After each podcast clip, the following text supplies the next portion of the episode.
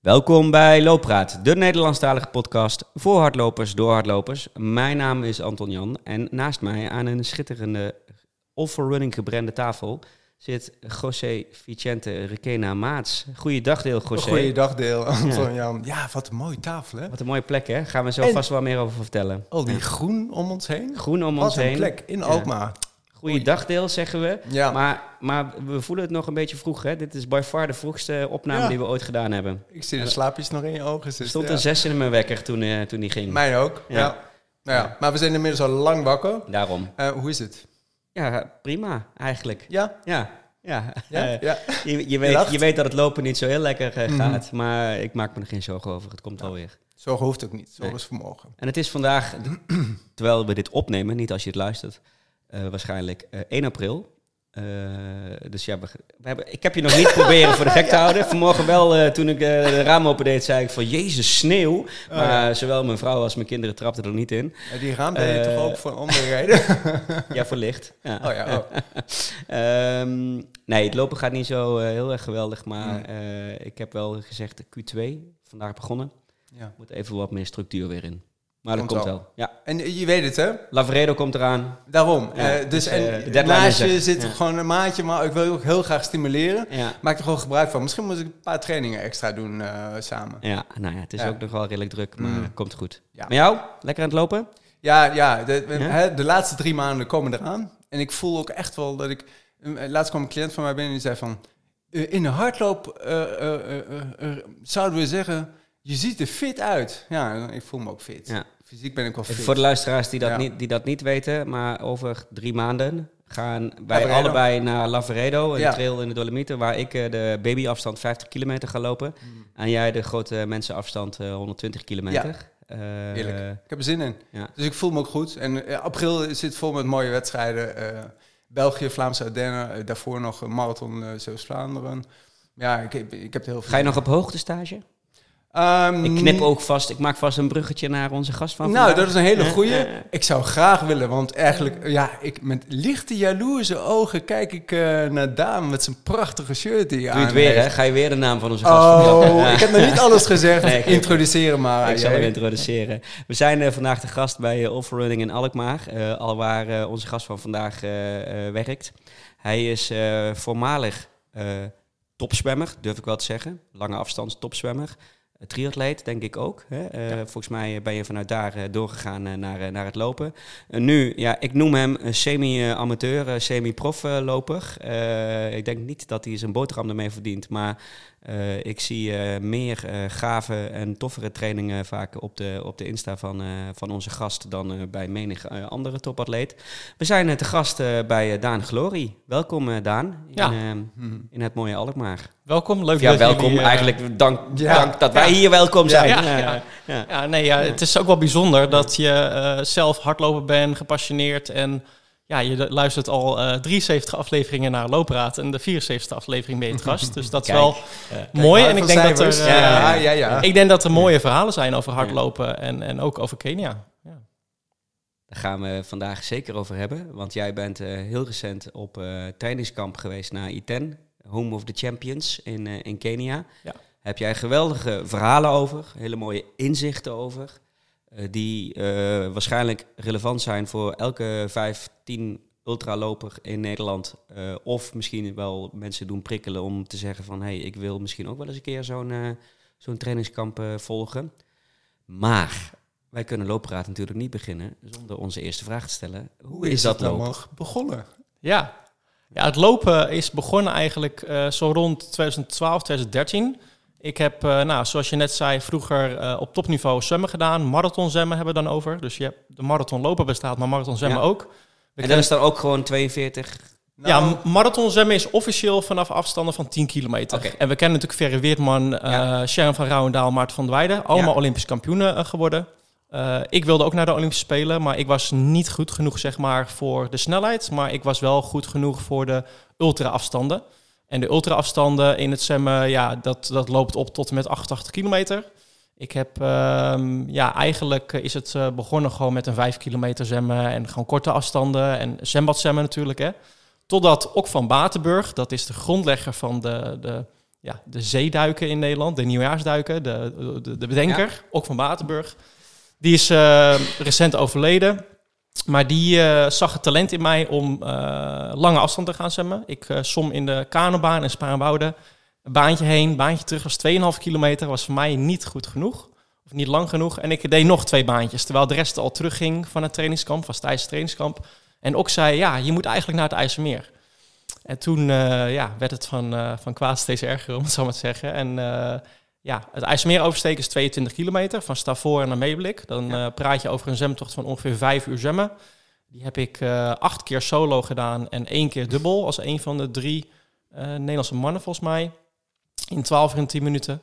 En ehm, ja, op een gegeven moment ga je dromen. Als de Olympische Spelen niet meer haalbaar is, dan ga je kijken, oké, okay, wat is er nog wel haalbaar? toen had ik twee doelen. Ik wilde meedoen met de langste marathon ter wereld op zwemgebied. Dat ja. was de 88 kilometer in Argentinië van uh, Hernandarias naar Paraná. Een legendarische marathon die, uh, die ook met veel obstakels komt. Tien uur lang in een uh, rivier vol met koeienkadavers, met piranha's. Blubberrivier. Nice, met een houten bootje met mijn coach. Ik zat even te denken obstakels, maar nu snap ik ze. Ja, ja, ja. ja met mijn coach Marcel Stroet. Dus dat was een geweldig avontuur. Dus dat lange afstand sporten zit in mijn aderen en nieren en, en ja, stroom door bloed. Dat is gewoon, de, daar zitten verhalen, daar zitten obstakels, daar zitten uh, persoonlijke overwinningen, daar zitten vriendschappen. Uh, ik denk dat daarom ook heel veel mensen marathonlopers wel mooi vinden of ultra's. Gewoon de, ja, alles wat er, wat er omheen zit, zeg maar. Alleen die vriendschappen zijn wat lastiger te leggen als je in het water ligt. Ja, want dan ben je dus heel gefocust op het zwemmen. Uh, de pauzes heb je ook bijna niet, oh ja, alleen voor eten en drinken. Maar verder is het je hoofd in het water en is het heel erg solo. Ja. Wat dat betreft geniet ik nu wat meer van hardlopen dan van zwemmen vroeger. Omdat het gewoon, ja, je geniet van de natuur, meer om je heen kijken, toeschouwers. Mm -hmm. Uh, ja, en uh, daar in Argentinië was mijn toeschouwer Marcel Stroet, mijn coach, ja. voor tien uur lang. En die was ook aan het roeien tussendoor. Bizar, want dat een van de vrijwilligers had last van zijn schouder gekregen. En hoeveel man liggen er dan in het water bij zo'n 88 kilometer? Uh, ongeveer 20 man. Ja, dus vrij, vrij sele select gezelschap. Ja, uit heel de wereld. 20 à 30. meestal zijn het iets van 10 vrouwen en 20 mannen. Mm -hmm. op uitnodiging is het ook. Je kan niet zomaar deelnemen. Je moet een bepaalde prestatie hebben geleverd. Dus voordat je die 88 kilometer gaat zwemmen, moet je eerst in Macedonië 30 kilometer zwemmen. Bij andere wildbekers uh, jezelf laten zien. Ja, in Argentinië werd ik dan zevende van de wereld. Dat was uh, ja, mijn Olympische Spelen, zeg maar, om het zo te zeggen.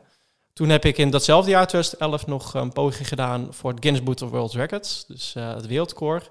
24 uur zwemmen. Mm -hmm. Ik dacht, nou ja, wat zijn unieke ervaringen als sporter? Nou, dat zijn de Spelen. Dat zijn extreem lange afstanden. Nou, die hebben we afgevinkt en een wereldrecord. Nou ja, wereldrecord 100 meter uh, lukt me niet, zeg maar. Uh, maar misschien wel een 24 uur. En uh, toen ging ik hier in Alkmaar in de zwembad Doornsvaart uh, op 4 juni 2011 het water in en om 5 juni het water uit.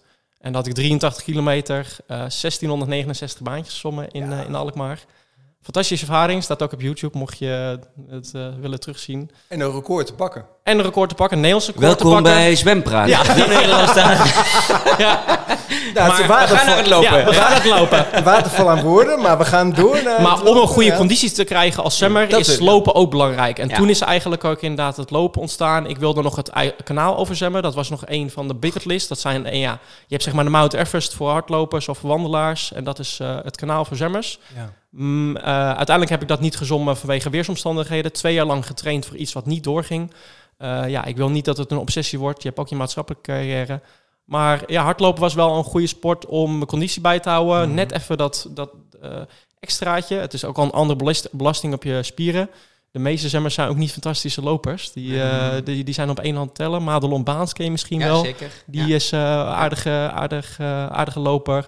Ik uh, volg een paar op Strava. Tom van Geneugde, ook een topzemmer geweest. Suzanne Brummel, voormalig gast. Suzanne Brummel, inderdaad. Ja. Dus, uh, dus ze zijn er wel, maar het is niet extreem... omdat er toch andere enkelsspieren uh, komen bij kijken. Maar er zijn wel hele goede zwemmers... die een hele goede triatleet worden. Ja, kun je daar eens wat... Ik ga eventjes een tussenstapje maken, AJ. Want je, we kennen hem nu als zwemmer... maar je hebt ook triathlons gedaan. Almere. Ja. Uh, 2016, klopt dat? 2016, 17 Almere en twee keer de Friesman in Friesland. Een ja, heel kleinschalig... volledige triathlons. Ja, ja, volledige triathlons. Dat is eigenlijk dus na het zwemmen...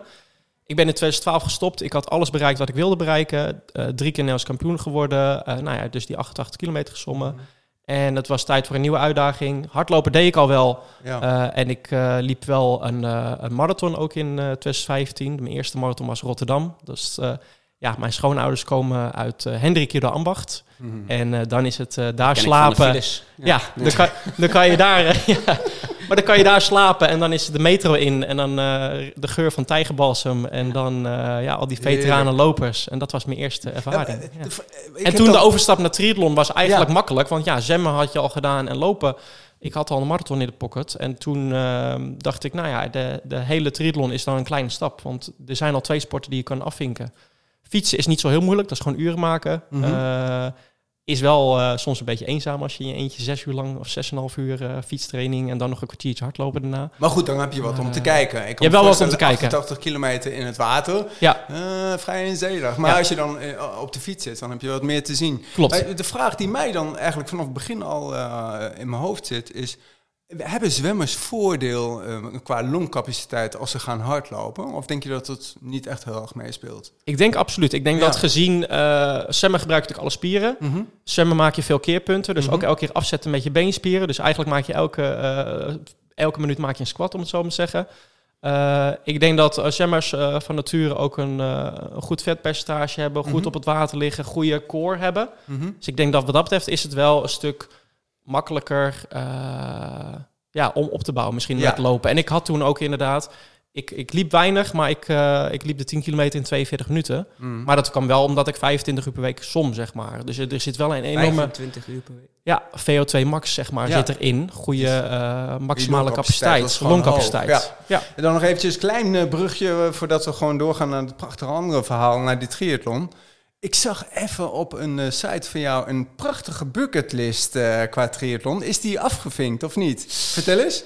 Ja, ik heb eh, ja, een aantal triathlons, eh eh nou ja, Almere dan inderdaad, eh, Friesman. Ik heb wel, het, het fietsen is wel wat ik een beetje saai vind. En daardoor Mhm. is het triathlonvirus een beetje verdwenen uit mijn hart. Maar ik zou ooit nog wel een keer een hele vette triathlon in Nederland willen organiseren. Ja. Ik heb het IJsselmeer al een keer opgezommen. Ja. Eh, dat zou dan een hele mooie start zijn voor Precies. de triathlon.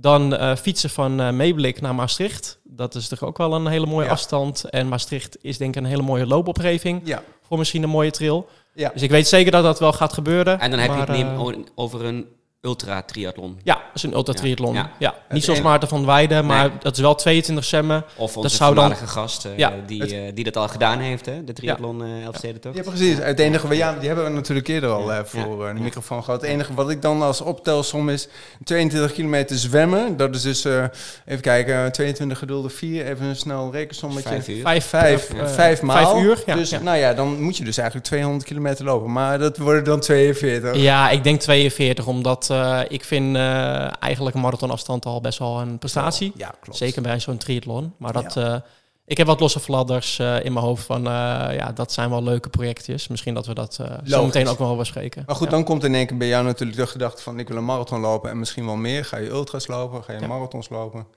En ja, ook een sub 3 denk ik dan, hè? Ja.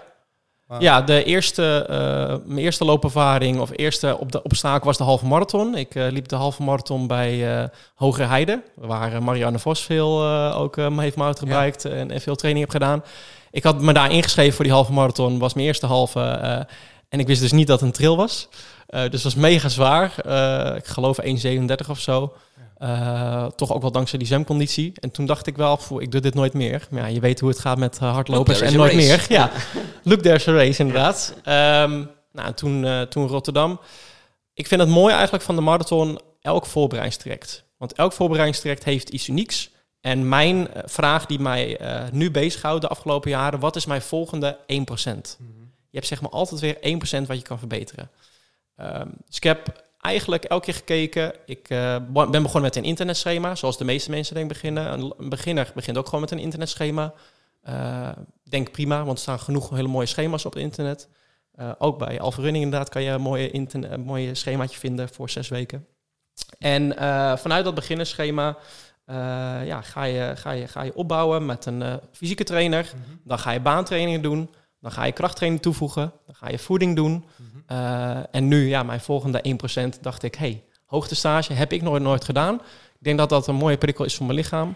Ehm, ja, en het is ook wel eh, een beetje een spelletje eigenlijk. Een spelletje wat ultralopers misschien ook wel herkennen van... hey, je hebt een, eh, je hebt een race. Eh, misschien ben je nu niet zo fit, maar hoe kom ik daar? Ja. En je hebt nog drie maanden. Wat ga ik in deze drie maanden doen om te verbeteren? Is dat lange afstand? Zijn dat eh, herstelloopjes? Is dat commuten naar werk, zeg maar, om een kilometer te maken? Is dat eh, voeding? Is dat eh, ja, je kracht?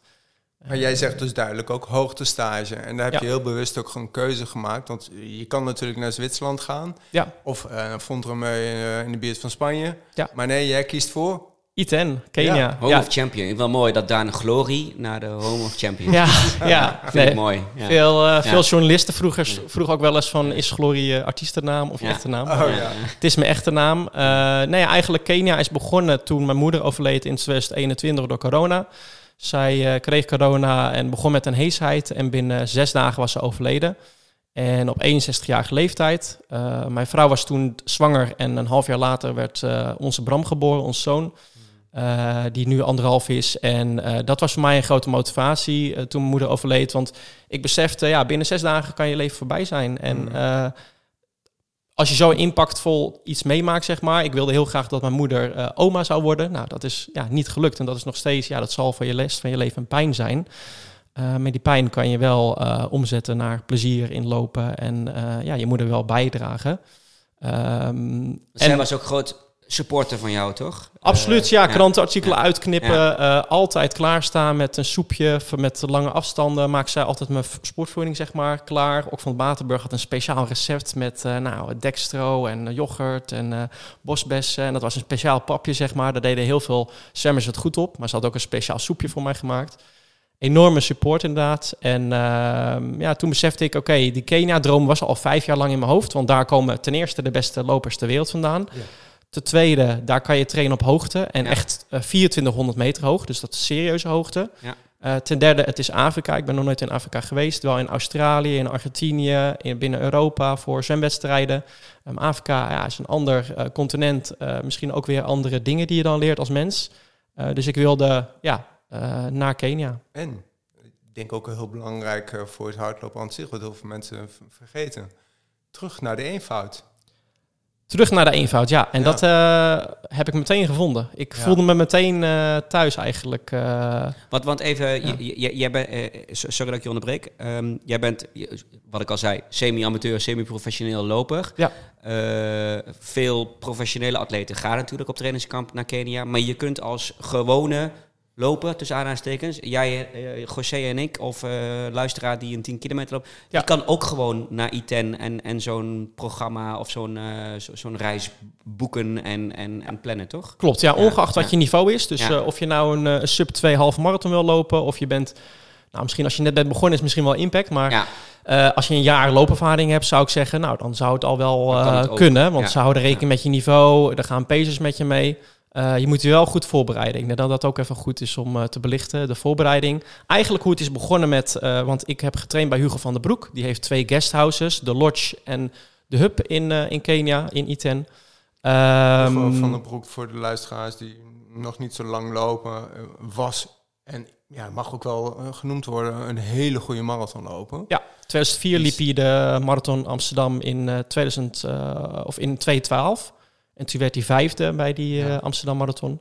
Die samen met zijn vrouw, die is, zij is ook Keniaans, Ja, toch? Of niet? Hilda Kibet, die is Europees kampioen cross geweest. En daar, eh, daar woont hij mee samen in, eh, in Kenia, in Eldoret. En Ze ze hebben dan een het trainingskamp. ja, trainingskamp in zo, Iten. Oosten. En via Michel Butter ben ik eigenlijk in contact gekomen met Hugo. Dus die hebben het samen getraind. Ook met Guido. Michel en Guido van 209 eh, maken mijn schema's voor Rotterdam Marathon. En eh, Michel zou oorspronkelijk het eh, trainingskamp organiseren. Nou, toen kwam er toch eh, heel veel andere dingen op zijn pad.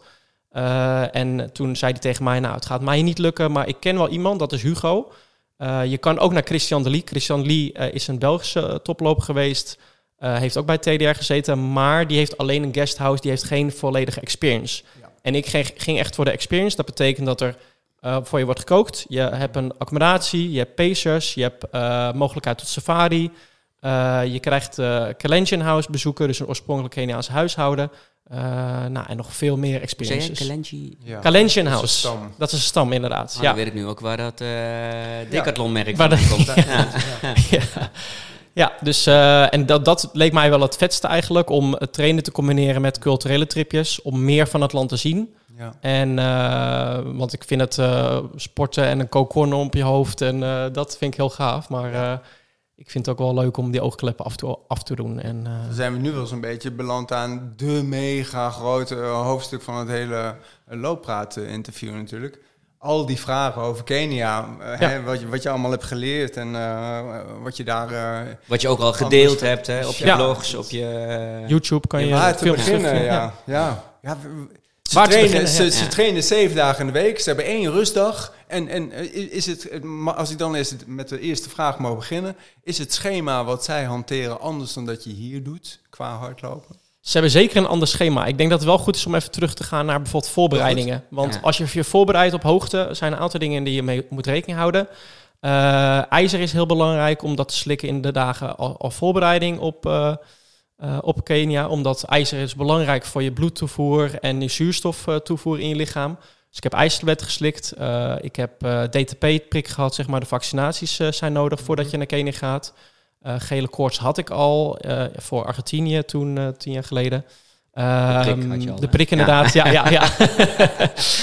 dus je moet je vaccinatie halen, je pillen, eh malaria-pillen eh, werd geadviseerd door de GGD. Eh, Hugo zegt dat het geen dingetje is in ITEN. Ik heb het ook zelf ook nee, helemaal niet meegemaakt. Mhm. Maar je wilt toch niet risico hebben als je naar een safaripark gaat, nee, dat er daar wel. Ja. Iets is. Dus ik neem ze mee. Ja, die dingen waren 66 euro. Dus dan maak ik die strip maar op. En dat is gewoon preventief. Je bent daar ook voor je sport. Dus Moet je daarvan bijkomen? En is een cocktail van medicijnen? Of nee, dat, mee? dat valt mee inderdaad. Want je nou, neemt gewoon één pilletje per dag. Dan zitten ze erin en Dan... je voorbereiding. En dan eh, ja, met Hugo mailen. Die eh, mailt heel snel terug van, nou ja, dit is het programma. Eh, je tickets moet je boeken en je interne vlucht. Dus je vliegt naar Nairobi. Mhm. En vanaf Nairobi vliegen met Jambojet. Dat is de interne vliegtuigmaatschappij. Veilig? Van Nai- Nairobi naar, naar Eldoret. Eldoret is een vrij grote stad in Kenia. Een van de vijf grootste. En vanuit Eldoret is het nog een uurtje met de taxi. Of je werd eigenlijk opgehaald door, eh, door Hugo, eh, een van Ja. zijn taxichauffeurs. Hij heeft een aantal pacers en taxichauffeurs. Dus transport zit er ook bij in. Ja, en dan kom je in Kenia. eh, en Ja. ja. dan, dan begint het grote avontuur. Is dan de warmte ook nog een rol? Uh, we hebben s ochtends heel, uh, heel fris en dan overdag echt gloeiend heet, denk ik. Uh, Ja, nou het unieke is dat in Kenia, het is dus op hoogte, 2400 meter hoog bij Iten, Ja. die warmte voel je niet. Dus je bent niet dorstig, je hebt het niet extreem warm, uh, je voelt het wel uh, branden op je lichaam. Ja. Uh, dus Hugo zei ook tegen mij, je moet actief jezelf leren drinken van, nou ja, zet maar een timer op je horloge bij spreken of uh, dwing jezelf, nu moet je drinken. Want Mhm. Is een hele ander soort warmte of benauwdheid wat we hier in Nederland hebben. Ja. Dus dat is het eerste wat ik heb meegemaakt. Het tweede inderdaad, ja, sowieso de overgang van, van ik heb in de sneeuw gerend. De, Ja. de, Mhm. voordat ik de vlucht nam, zeg maar, de ochtend voor de vlucht. Nog 16 kilometer door de sneeuw en Ja. dat soort dingen gelopen. Jullie gingen de Sallantrail uh, lopen, zag ik Ook in inderdaad. de sneeuw. Ook in de sneeuw, ook fantastische ervaring. Maar dat was wel even een klap. Dus ik heb wel uh, ook drie dagen even acclim- acclimatisatie nodig gehad aan de hitte. ja. Uh, en het besef, drinken is dus inderdaad uh, Ja. super Want, want, want hoogte, hoogte is, is, is, is goed voor het, hè, het, het trainen. Dat gaat misschien een beetje ver om daar nu helemaal om al die effecten en dergelijke uit te leggen voor de luisteraars. Maar jij gaat natuurlijk een voorjaarsmarathon doen. Dus daarom kun je bij wijze van spreken ook niet naar Zwitserland of naar. eh, dat, is, dat is natuurlijk het voordeel van, van, van Kenia. Dat, maar Ja. ook zelfs daar kan er dus gewoon sneeuw vallen nog. eh, ehm. Nou, Ja, in, of- in, of- in Kenia, ik Ja. had dus Hugo Ja. gevraagd van, Ja. "Zal- valt er sneeuw? Nou, dat is in 200 jaar niet voorgekomen. dus dat, eh, dat is geen obstakel. Daan trainde hier nog even in de sneeuw en ging toen Ja. in het vliegtuig. Ja, ja, ja. Het Maar- maar, was voldoende. Het is eh, ehm, heel mooi om mee te maken meteen toen ik die taxi in, zat, eh, in die taxi zat op weg naar eh Iten. Eh, je ziet daar kinderen met autobanden en stokjes spelen. Je ziet daar kampvuren langs de snelweg ontstaan met, met mensen die sterke verhalen aan elkaar vertellen. Je ziet hardlopers op de snelweg waar auto's ook wel respect voor hebben. Je hebt ook mutatus. Mutatus, dat zijn lokale busjes, eh, tweedehands busjes met, rode, met, met zwarte rookpluimen uit de uitlaatgassen. En en Mutato die- die- is dan het merk? Of, uh, nou, Mutatu, dat is zeg maar de benaming voor de taxibusjes die eh, in, in Kenia rijden. Oh ja, ja. En die rijden, nou ja, 60 per uur, eh, vol gas in hun zesde versnelling, met zwarte rook inderdaad, en met eh, acht of twaalf man in een busje gepropt. Huh. En dan betaal je 1 euro om van stad naar stad te gaan. ja. Maar eh, dat vond ik al grappig om te zien, die Mutatu's. Eh, taxis. En, eh, maar die, die, hebben, die houden dus wel rekening met die toplopers en Ja. met al die groepjes. Dus ik voelde me meteen al thuis. Het is een hardloopcultuur, supreme, zeg maar. Dus, Maar dan heb je eerst de twee dagen bijgekomen en met, met het ja, goede Keniaanse ontbijt wat je daar hebt en Ja. het eten. eh, eenvoudig. hè, Mhm. dus geen dingen. Kan je daar wat over vertellen nog? Ja, we hebben, je hebt daar een privékok, dus dat betekent dat iemand die is daar altijd aanwezig, 's ochtends, middags, 's avonds, verse maaltijden. Eh, hij doet de afwas, hij staat voor je klaar voor een praatje. Je kan hem vragen wat, wat maak je en hij houdt ook rekening van vega of, of vlees, zeg maar. Eh, ontbijt was eigenlijk heel simpel, vond ik best wel eh, ja, prettig. Een broodje, vers gebakken brood, wit brood had hij, pannenkoeken had hij, een, eh, een vers gebakken eitje, mhm. eh, twee soorten jam en eh pindakaas. Ehm, dat is het. En, eh, Pindakaas. ja, ja, met stukjes. Eh, Ja. Hartstikke lekker. Ja. Die pindakaas daar in eh, Kenia is, eh, is best wel banaan, smaakvol. Heerlijk. Eh, en eventueel een banaantje inderdaad. Ehm, en Ugali? Veel ugali. Ja, nou, ugali niet heel veel gegeten, maar wel eh, de laatste week inderdaad. Ugali, dat is eigenlijk een soort van granenpapje. Is het Gries? Mm, Ja, Oh, niet echt Gries. Het is wel echt wat meer de, de echte graankorrel. En die wordt dan vermalen tot, een tot een soort van meel. En dat kan je in water of in melk eh, ja, roeren. En er wordt een heel erg hard eh, papje. Een soort Eh, van of Gries zacht papje. Een soort van griesmeelachtig Ja. papje. Er zit Ja. gewoon niet zo heel veel smaak aan. Ik was er eigenlijk een beetje bang voor. Je, Ja. je gaat naar Kenia en iedereen Tuurlijk, heeft het over ugali. Ik eh, heb hier een collega, Christophe van Malderen, die is toploper geweest. En die heeft ook heel veel trainingskamp in Kenia meegemaakt. Die zei, nou ja, als je naartoe gaat, moet je ugali eh, eten. Eh, maar ja, het is eigenlijk pas lekker als je het met spinazie eet. Of eh, met eh, ja, wat tomaat, wat, wat, wat ui of zo erbij. Het is een goede basis qua koolhydraat, zeg maar. Ja. Het is puur koolhydraat. Het vult enorm je maag. En de dat is een van de geheimen van de Kenaden, denk Mhm. ik. Zij zien ugali als soort van superfood of extra powerful. Eh, ik heb zelfs verhalen gehoord van eh Keniaden die met hun manager uit eten gingen. eh, Mhm. bijvoorbeeld eh, in Europa voor een grote stadsmarathon. En zij namen toch nog een bakje met ugali mee. Ja. Vlak voor het slapen namen ze dat. Want zij waren diep van overtuigd. Als ik ugali neem, dan loop ik een goede race. Als ik geen ugali neem, dan loop ik geen goede race. Heilig middel. Heilig middel. Dus dat zijn een van de. Dat is een beetje de havermout van een lage Nederland. Dan is het maar placebo, toch? Dan Ja. is het wel, eh, Ja. al goed. En het was heel tof om dat in het oorspronkelijke huis ook te zien ge- ja, gemaakt worden, zeg maar, Ja. Gewoon met een houten oventje wat of een oventje wat gemaakt is van blubber. Ja. En, en wat hard is geworden. En er kan wat hout en stokjes. En ja. ze gebruiken stukje, stukjes mais om het vuur aan te maken. Eh, afgekloven maisstukken. Mhm. Eh, en dan in een ja, eh, gietijzeren pan. En dan wordt het zo doorgeroerd. En dat is echt hard roeren. Ja. Echt hard. Met Ja. een houten pollepel. En eh, ja, dit, het hele, dat hele tentje. Dat En Slapen jullie dan allemaal samen op dezelfde compound? Dus slaap je dan tussen de, de, de echte toplopers? Of heb je dan een apart huisje? Ehm, Ja, het is I10, zeg maar, stikt van de guesthouses. Mhm. Dus eh, iedereen zit wel een beetje in zijn eigen bubbel, denk ik. Het is ook best wel een veilige omgeving. Mhm. Hugo heeft een, eh, nou, een hek omheen gebouwd. Dus het is ook, je mag niet zomaar privé mensen meenemen. Dat moet je altijd even overleggen. Gewoon puur voor veiligheid Mhm. eh, redenen. Je hebt de mogelijkheid of je slaapt met z'n tweeën op een kamer of alleen. En het is gewoon relatief modern Europees ingericht. Dus je hebt gewoon een warme douche. Je hebt gewoon nou ja, modern eten, rijst, pasta's, brood, pannenkoeken. Ehm, dus het is niet zo primitief als wat Kaptekat, wat Michel wel eens mee heeft meegemaakt. Dat je moet, eh, met, een, met een emmer moet douchen, zeg maar, met Ja. koud water. En dat is, dat is heel erg primitief. Dat valt daar wel mee. Dus je kan... eh, je bed is gewoon lekker zacht. eh, je bed is er is geïnvesteerd in een goed matras, inderdaad. Eh, Wat dus op zich natuurlijk ook logisch is, want ja, de, de champions trainen ook daar. Ja. Hè? Dus je moet wel, als je voor dat, die 1% gaat, zou het natuurlijk zonde zijn als je alle dingen die standaard goed moeten zijn, eh, minder zijn dan, dan men gewend is. Klopt, Of, eh, ja, gewoon de basis. ja, Kijk, ja. het is minder Ja. luxe, het is geen boxspring, maar het is gewoon een prima matras. Je kan goed slapen. Het is ook een rustige omgeving, dus er komen waar weinig auto's voorbij. Dus, Word je ja. wakker met een mooie eh, tropische vogel of eh, de schreeuw van een brolaap? Nou, dat is wel gebeurd toen we op safari gingen. Zeg maar, zaterdag is de long run in Kenia standaard, zeg maar. De zondag is eh, heilig, want dat is voor familie, vrienden en kerk. Er wordt op zondag niet getraind, ook niks gedaan, zeg maar. Er wordt ook niet eens, voor mij ook bijna niet eens gewandeld, zeg maar. Dat is echt een puur rustdag.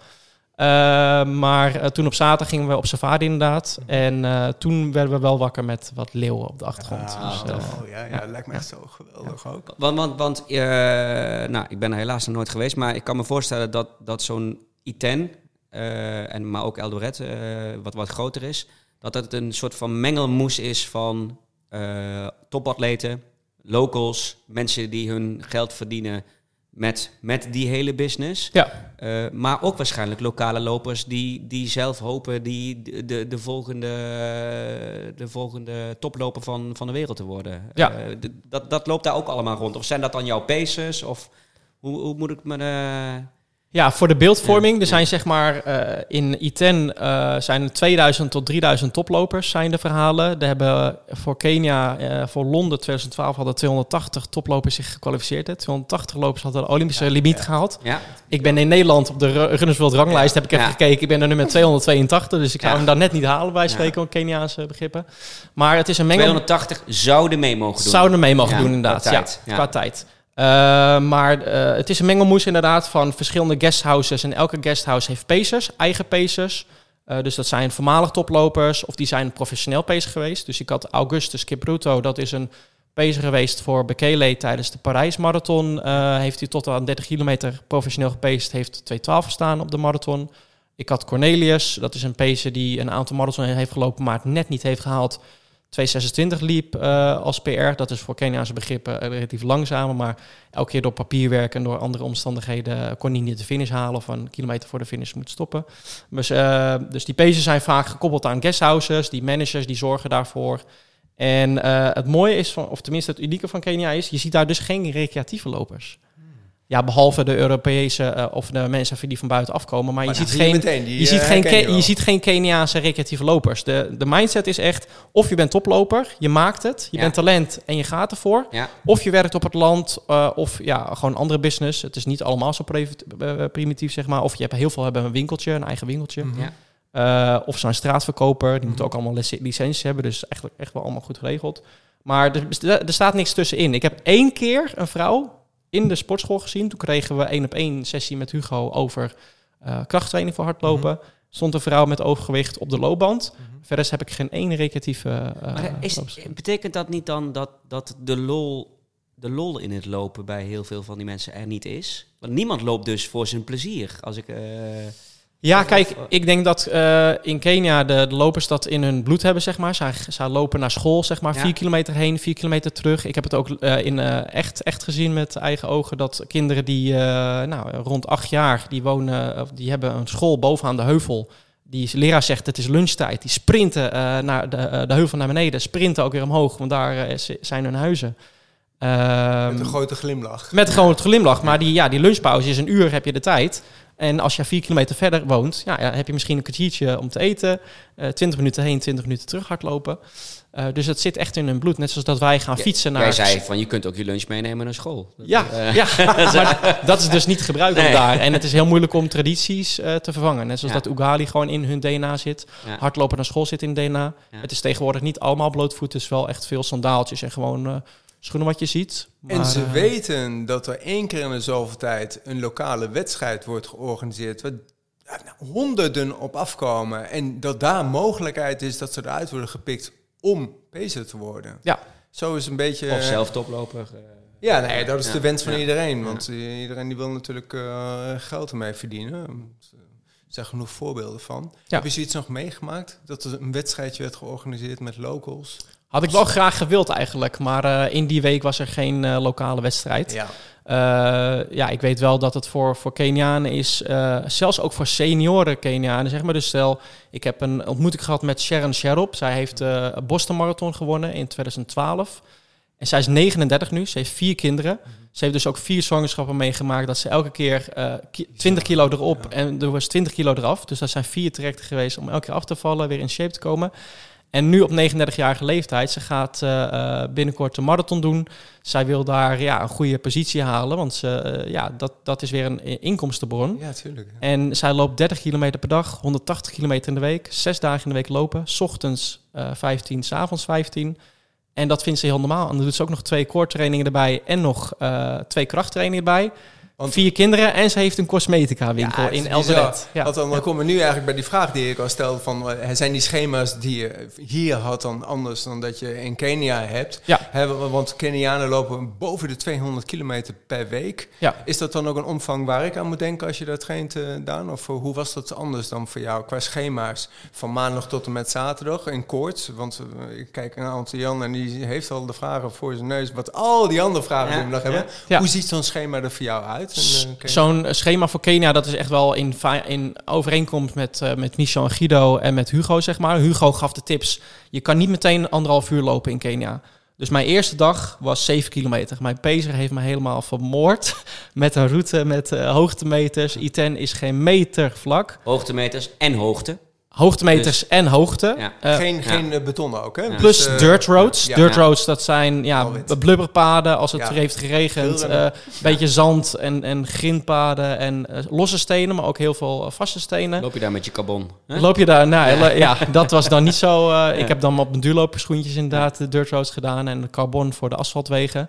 Eh, maar toen heeft hij me gekild de eerste 7 kilometer. Dat was echt. eh, ik zat meteen op 150. In Nederland, als ik op 150 hartslag zit, moet ik eh 4.00 gaan lopen of sneller. En daar liep ik eh 6.30 bij spreken. Ja. Ehm, dag 2 was eh, een half uurtje 's ochtends, half uurtje 's avonds. Dus ehm, ja, dat is een, was een mooie opbouw. Dag 3 was een uur eh, duurloop. En dag 4 was eh, een eh, baantraining, eh 5 keer 8 minuten. Dat is dan de Ehm, donderdag. dat was de dinsdag inderdaad. Dinsdag, Toen was ik er eh, drie, vier dagen. En toen liep ik 20 kilometer. Dus binnen drie, vier dagen kan je naar de lange afstanden. Maar dat moet je dus inderdaad in Opbouwen. Ja. opbouwen van een half uur. Want je hartslag gaat door het dak heen. Je moet wennen aan de warmte en de hoogte. Het is een heel eh, bijzonder fenomeen. Dus in de middag een, eh, een dutje en s'avonds een dutje. En dat is eh, zoals de Kenianen dat vaak doen. Ja. Eh, veel rusten. Dat is dan die zondag, eh, de rustdag natuurlijk. Ja. Heb je dan na de eerste week dat je denkt van... ja, nu komt de tweede week, ik ga nog meer gas geven. Ben je dan gewend na een week? Ja, het grappige is, ik heb mijn saturatie gemeten. Die heb, je hebt dus zo'n saturatiemeter, die kan je om je vinger doen.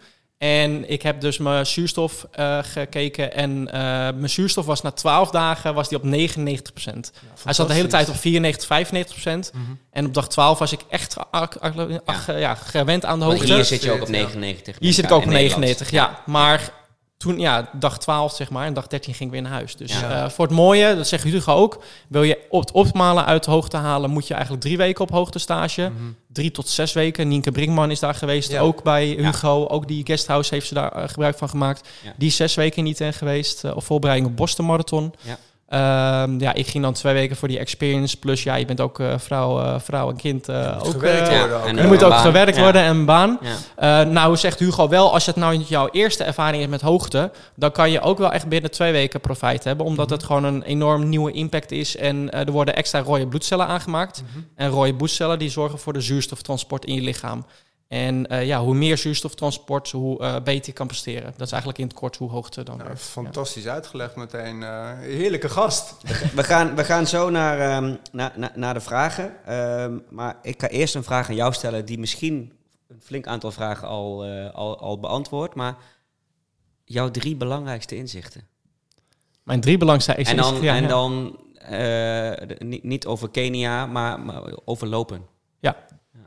Anekdote 1. Ja, Ja. Dus, dat is, zijn, Ja. dat is zo mooi. Als je naar Kenia gaat, ben je zo geïnspireerd. wat jij hebt, jij, jij, jij hebt, jij hebt eh, mooie blogs gemaakt. Die zullen we ook zeker eh, vlogs noemen in de, in de show notes. En. Maar als je nu iemand op straat vraagt aan jou, noem drie dingen die je daar geleerd hebt. Heel cliché, luister naar je lichaam. Kenianen zijn super goed met niet lopen met horloge, maar luister naar je lichaam. Ik denk dat het horloge jezelf kan begrenzen. Ja. Als ik wel eens zie 3,45, denk ik, poeh, dat is marathontempo, heftig. Terwijl als je gewoon op gevoel gaat lopen, misschien loop je dan wel 3,40 of misschien 3,50, voelt dat veel lekkerder aan. Kenianen kunnen ook gewoon de route gaan afsnijden en hup naar huis. Dus als het na 10 kilometer niet goed voelt, eh, stoppen. Ja. En het luisteren naar je lichaam, eigenlijk in combinatie met rustig beginnen. Dus 6.00 de kilometer, 7.00.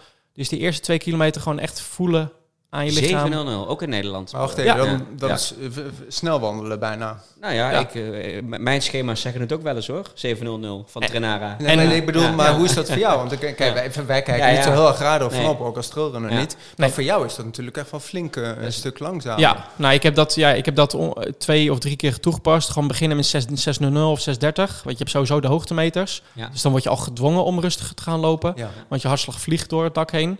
Eh, maar het is voor Kenianen een manier om eh, te luisteren naar het lichaam. Als jij meteen al gaat pushen, dan, dan forceer je je lichaam misschien al e- ergens Gaat meteen In een positie. eh, in overlevingsmodus. in, in overlevingsmodus, Ja, inderdaad. ja. Ik denk dat dat we wel kunnen leren. Ik heb, ja, ik heb wel eens als loper de fout gemaakt. Ik voel me niet goed. Het was in aanloop naar Egmond halve marathon. Op de donderdag, ik voelde me niet goed. Ik voelde dat er iets mis was, maar ik wilde trainen, want ja, mijn schema. Eh, en ik moest, ik had gewoon kotsneigingen en ik, ik dacht, ik wil opgehaald worden, maar ik had mijn mobiel, niet mee, dus ik totaal niet naar mijn lichaam geluisterd. Dat is wel iets waarvan ik denk, ja, een dag rust kan echt superveel opleveren. Dus dat doen zij heel goed. Eh, dat doen zij heel goed. Ja, Ja. dus normaal deed ik eigenlijk elke dag trainen. Ik ga wel echt woensdag gewoon standaard rustdag invoegen. Geen krachttraining, geen lopen, gewoon echt. Rust is rust. eh, Mentale Rust is rust. hardheid, Ja. hebben ze, zijn zij harder dan dat wij zijn? Absoluut, ja. Ik denk dat eh, sowieso zijn er minder eh, invloeden natuurlijk van buitenaf. Dus sowieso, ITEN is niet echt de uitgaansplek of de, ja, de, de, de, de, barren of de restaurants eh, zijn wel. niet super Er zijn wel genoeg voorbeelden van waar het wel mis is gegaan Ja, met, ja. met de drank. En, Maar het, het kan wel een issue zijn in Kenia, Ja, inderdaad, het, drank, het drankprobleem. Ja. We hebben daar ook een school bezocht met Hugo, de school van Hugo die die daar heeft opgericht. Er was een leraar, die was in tranen.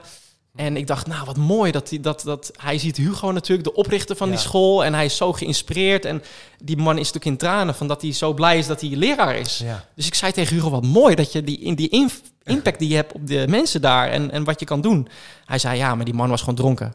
ja, ja, dat, dat, ja. dat is ook wel wat, eh, wat eh, gebeurt daar. er Maar ik denk dat, dat een van de successen van de Keniaanse lopers, er is gewoon echt niks te beleven daar. Als je kijkt naar de, de winkels, het zijn alleen maar hardloopwinkels, eten en drinken en that's it. Eh, de supermarkten, die, je ziet daar wel gangpaden met chocola, maar echt geen één Kenia zie je daar eigenlijk iets pakken.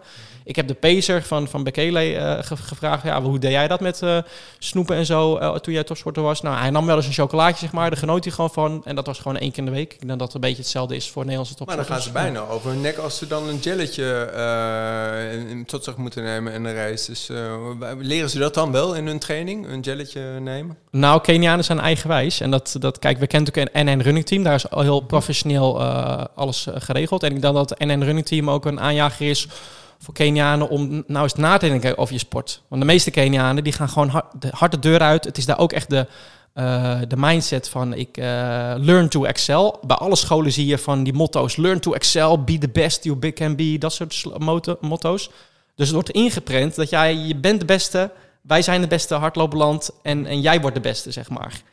Terwijl er is geen, geen tussenweg of zo. Er is niet eh, eh, Dus van... de acceptatie komt wel dat ze ook wat meer moeten. Eén. Eh, eh, ik zit met mijn duim omhoog. I know, Ja. I know. Eén, luister naar je lichaam. Ja. Twee. Twee. Twee. Het tweede eh, leerpunt, hoogtemeters, hoogtemeters, hoogtemeters. Veel klimmen. Ik heb dat echt eh, onderschat. Ik heb 1300 mo- hoogteme- Het liefst hoogtemeters op gemaakt. hoogte, maar als dat niet kan, gewoon ook hoogtemeters. Ja, de viaducten pakten hier in de duinen, in in de- school, bergen. hebben we Ja. hebben hier een mooie omgeving. Ja, Flatgebouw eventueel, Ja. Veluwe. Eh, maar ik, ik doe dat zelf eh, wel eens op de zondag inderdaad. Maar door de week rustige duurlopen deed ik dat nooit. Ik ga dat wel echt toevoegen, want het maakt je sterker. Hugo zegt ook, je kan prima volle bak sprinten een heuvel af. Maar sprints op vlakke weg is best wel een risico voor het scheuren van je hamstrings, Ja. dat soort dingen. Terwijl een heuvel op sprinten is veel meer gecontroleerd voor je lichaam. Je gaat meer je knieën, knieën optellen, je gaat actief je armen inzetten. Ja. Ik geloof er heilig in dat het goed is voor je techniek, voor je uithoudingsvermogen. En het is tijdens een rustige duurloop helemaal eh, geen probleem om af en toe naar die hartstikke 150 te gaan. Ja. Als je daarna weer terug naar 120 Bram gaat. Som inderdaad eh, in de uitzending van Looppraat. En wat heel uniek is aan de Kenianen, Ja. zij hebben dezelfde thread op vlak als met heuvels. Dus het is hetzelfde cadans wat zij lopen heuvel op als Niet kleinere heuvel af. pasjes. Nee, nee. En of, Dat ja, zeggen wij altijd tegen ja, elkaar, hè? Omhoog, kleine kleinere pasjes, hetzelfde Ja. ritme, wel Ja. kleinere pasjes, maar wel echt, pasjes, zeg maar, dezelfde, frequentie. Zelfde Ja. frequentie. Dus Ja. dat is denk ik ook wel een leerpunt van Ja. probeer in dezelfde frequentie te blijven lopen. Sterk op, goed je core aanspannen. En de frequentie Ja. hebben we dan over? Ja, eh, 160, 180. Dat is denk ik voor de, de meest, Ja. meeste lopers een ideale pasfrequentie. Ja. En dan moet jij zoeken wat goed voor jou is. Je ziet wel dat heel veel mensen recreatief beginnen op 160 zitten. Mhm. Als zij naar 170, 180 buigen, dan gaan ze wat soepeler lopen, maken ze kortere passen, minder Ja. impact op je heup Ja. en meer impact voor je kuiten. Maar je kuiten zijn natuurlijk natuurlijke schokdempers en je heup en knie kan niet echt eh, als schokdemper bieden. Nee. Dus, eh, Nou, dat komt dan overal komt het wel weer in terug, eh, dat die Ja. cadans is. Nummer drie. Nummer drie. Nummer drie is de lange duurloop met kwaliteit. Dus heel veel, eh, kijk, ik deed traditioneel voor marathonlopen altijd eh, lange duurlopen. Ja, Eh, lang en langzaam, kort en Lang snel. langzaam, lekker Ja, kletsen, eh, met uh, maatjes afspreken. In de Ja. Heemskerkduinen, van Ja. Kastrikum, Wijkenzee tot aan school heb je een Heerlijk. fantastisch mooi gebied. Op het strand, alle omstandigheden, winter, zomer, maakt niet uit.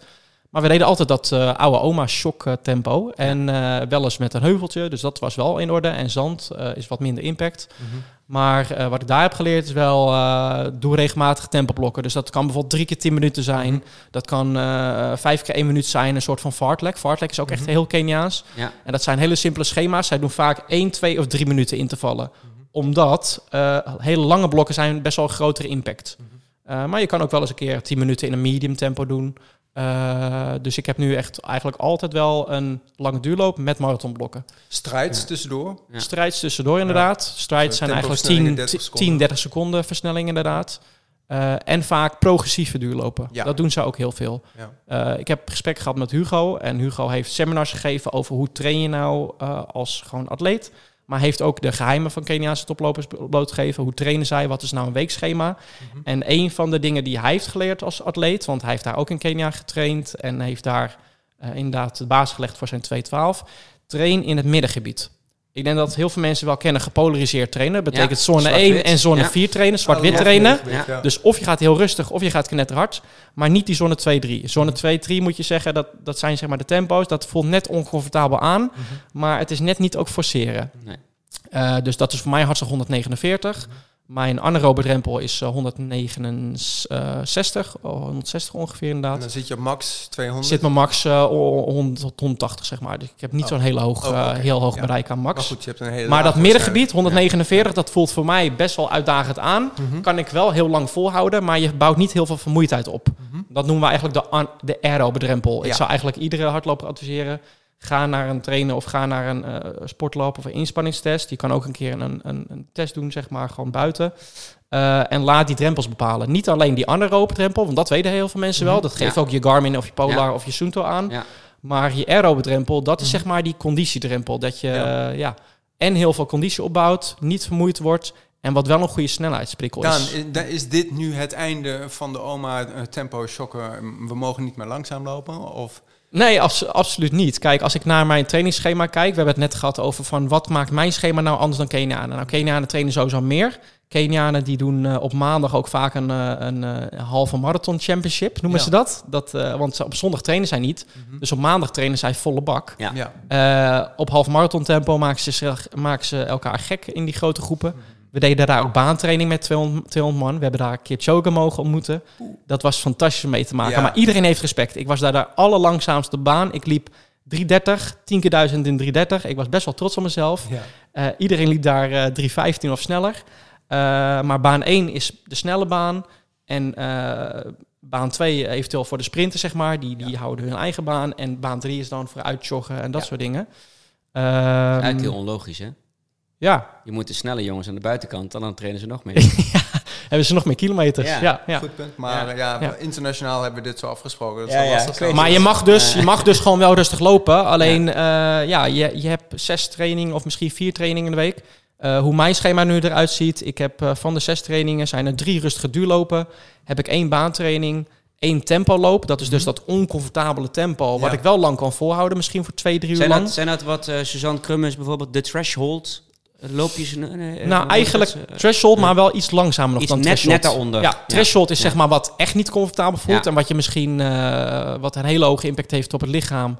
Eh, en, en wat je misschien eh, Wat kapot maakt, wat kapot opbouwt. maakt, wat, misschien Ja. hal, wat je Ja. misschien maximaal een half uur kan doen. Ja, Maar aerobe blokken is eh, wat jij eh, misschien wel een uur, anderhalf uur kan doen. oké, toch wel. Ja, En, en eh, ja. dat is voor mij zeg maar een tempo 20 seconden langzamer dan marathon tempo. Ma- Dus, Mag ik nog eh, even een heel kort resume dan eh, horen? Want je, je onderbrak hem even en dat is heel legitiem ook. Um, je, je schema is dus dan... Mijn schema is maandag rustig, dinsdag baantraining. Eh, woensdag doe ik meestal kracht, maar dat ga ik dus nu veranderen door Kenia naar echt pure rustdag.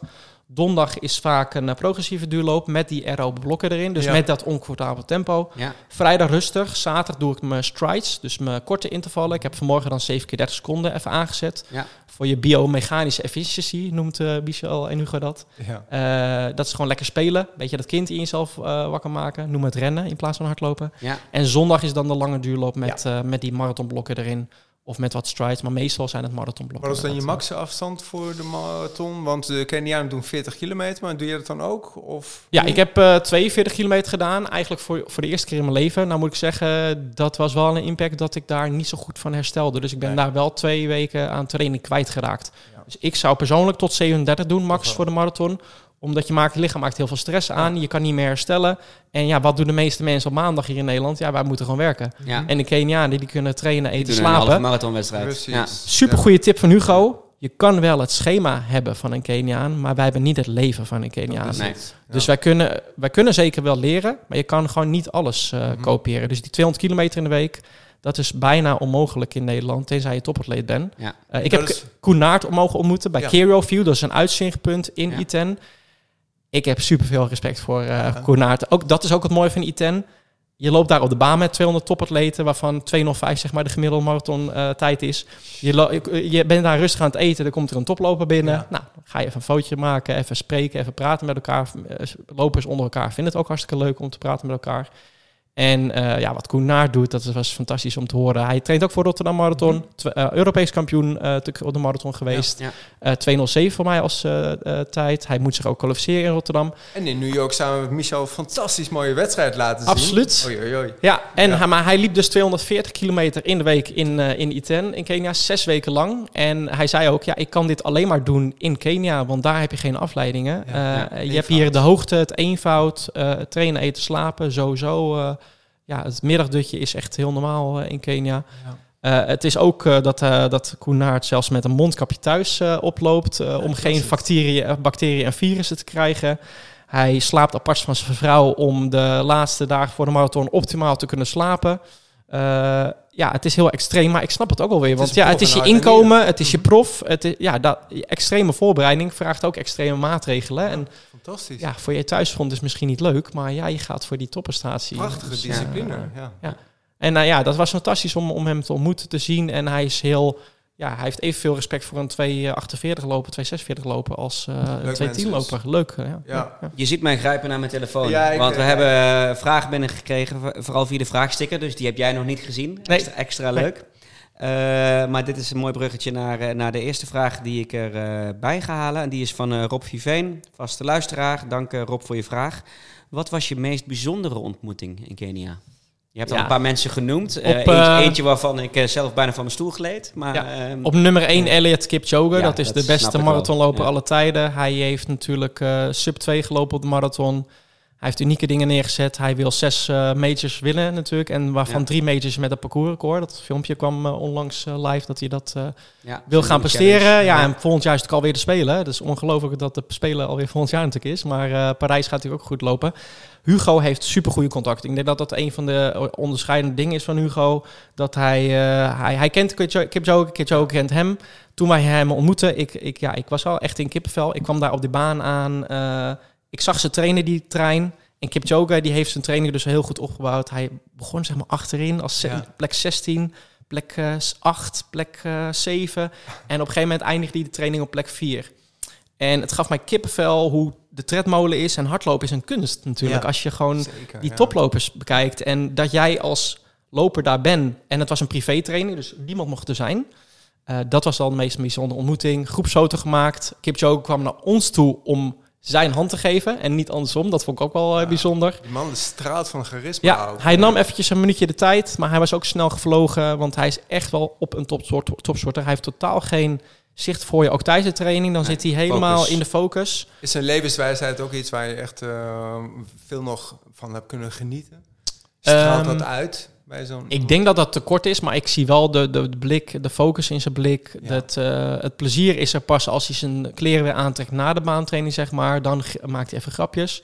Maar op de baan en ook tijdens het duurlopen, sowieso zie ik in Kenia niet zo heel veel mensen kletsen met elkaar. Het is Mhm. echt, je doet je training, dat is gewoon wat je doet. Je gaat en dan klets, klets je maar tijdens het ontbijt. Ja. Ook niemand met muziek natuurlijk lopen in Kenia. Het is gewoon allemaal uh, puur dat, op dat de... snap ik met zoveel mooie natuur om je heen. Ja. Uh, hoor je continu. Met recht dus uh, top van de ijsberg ontmoet. Ja, ja.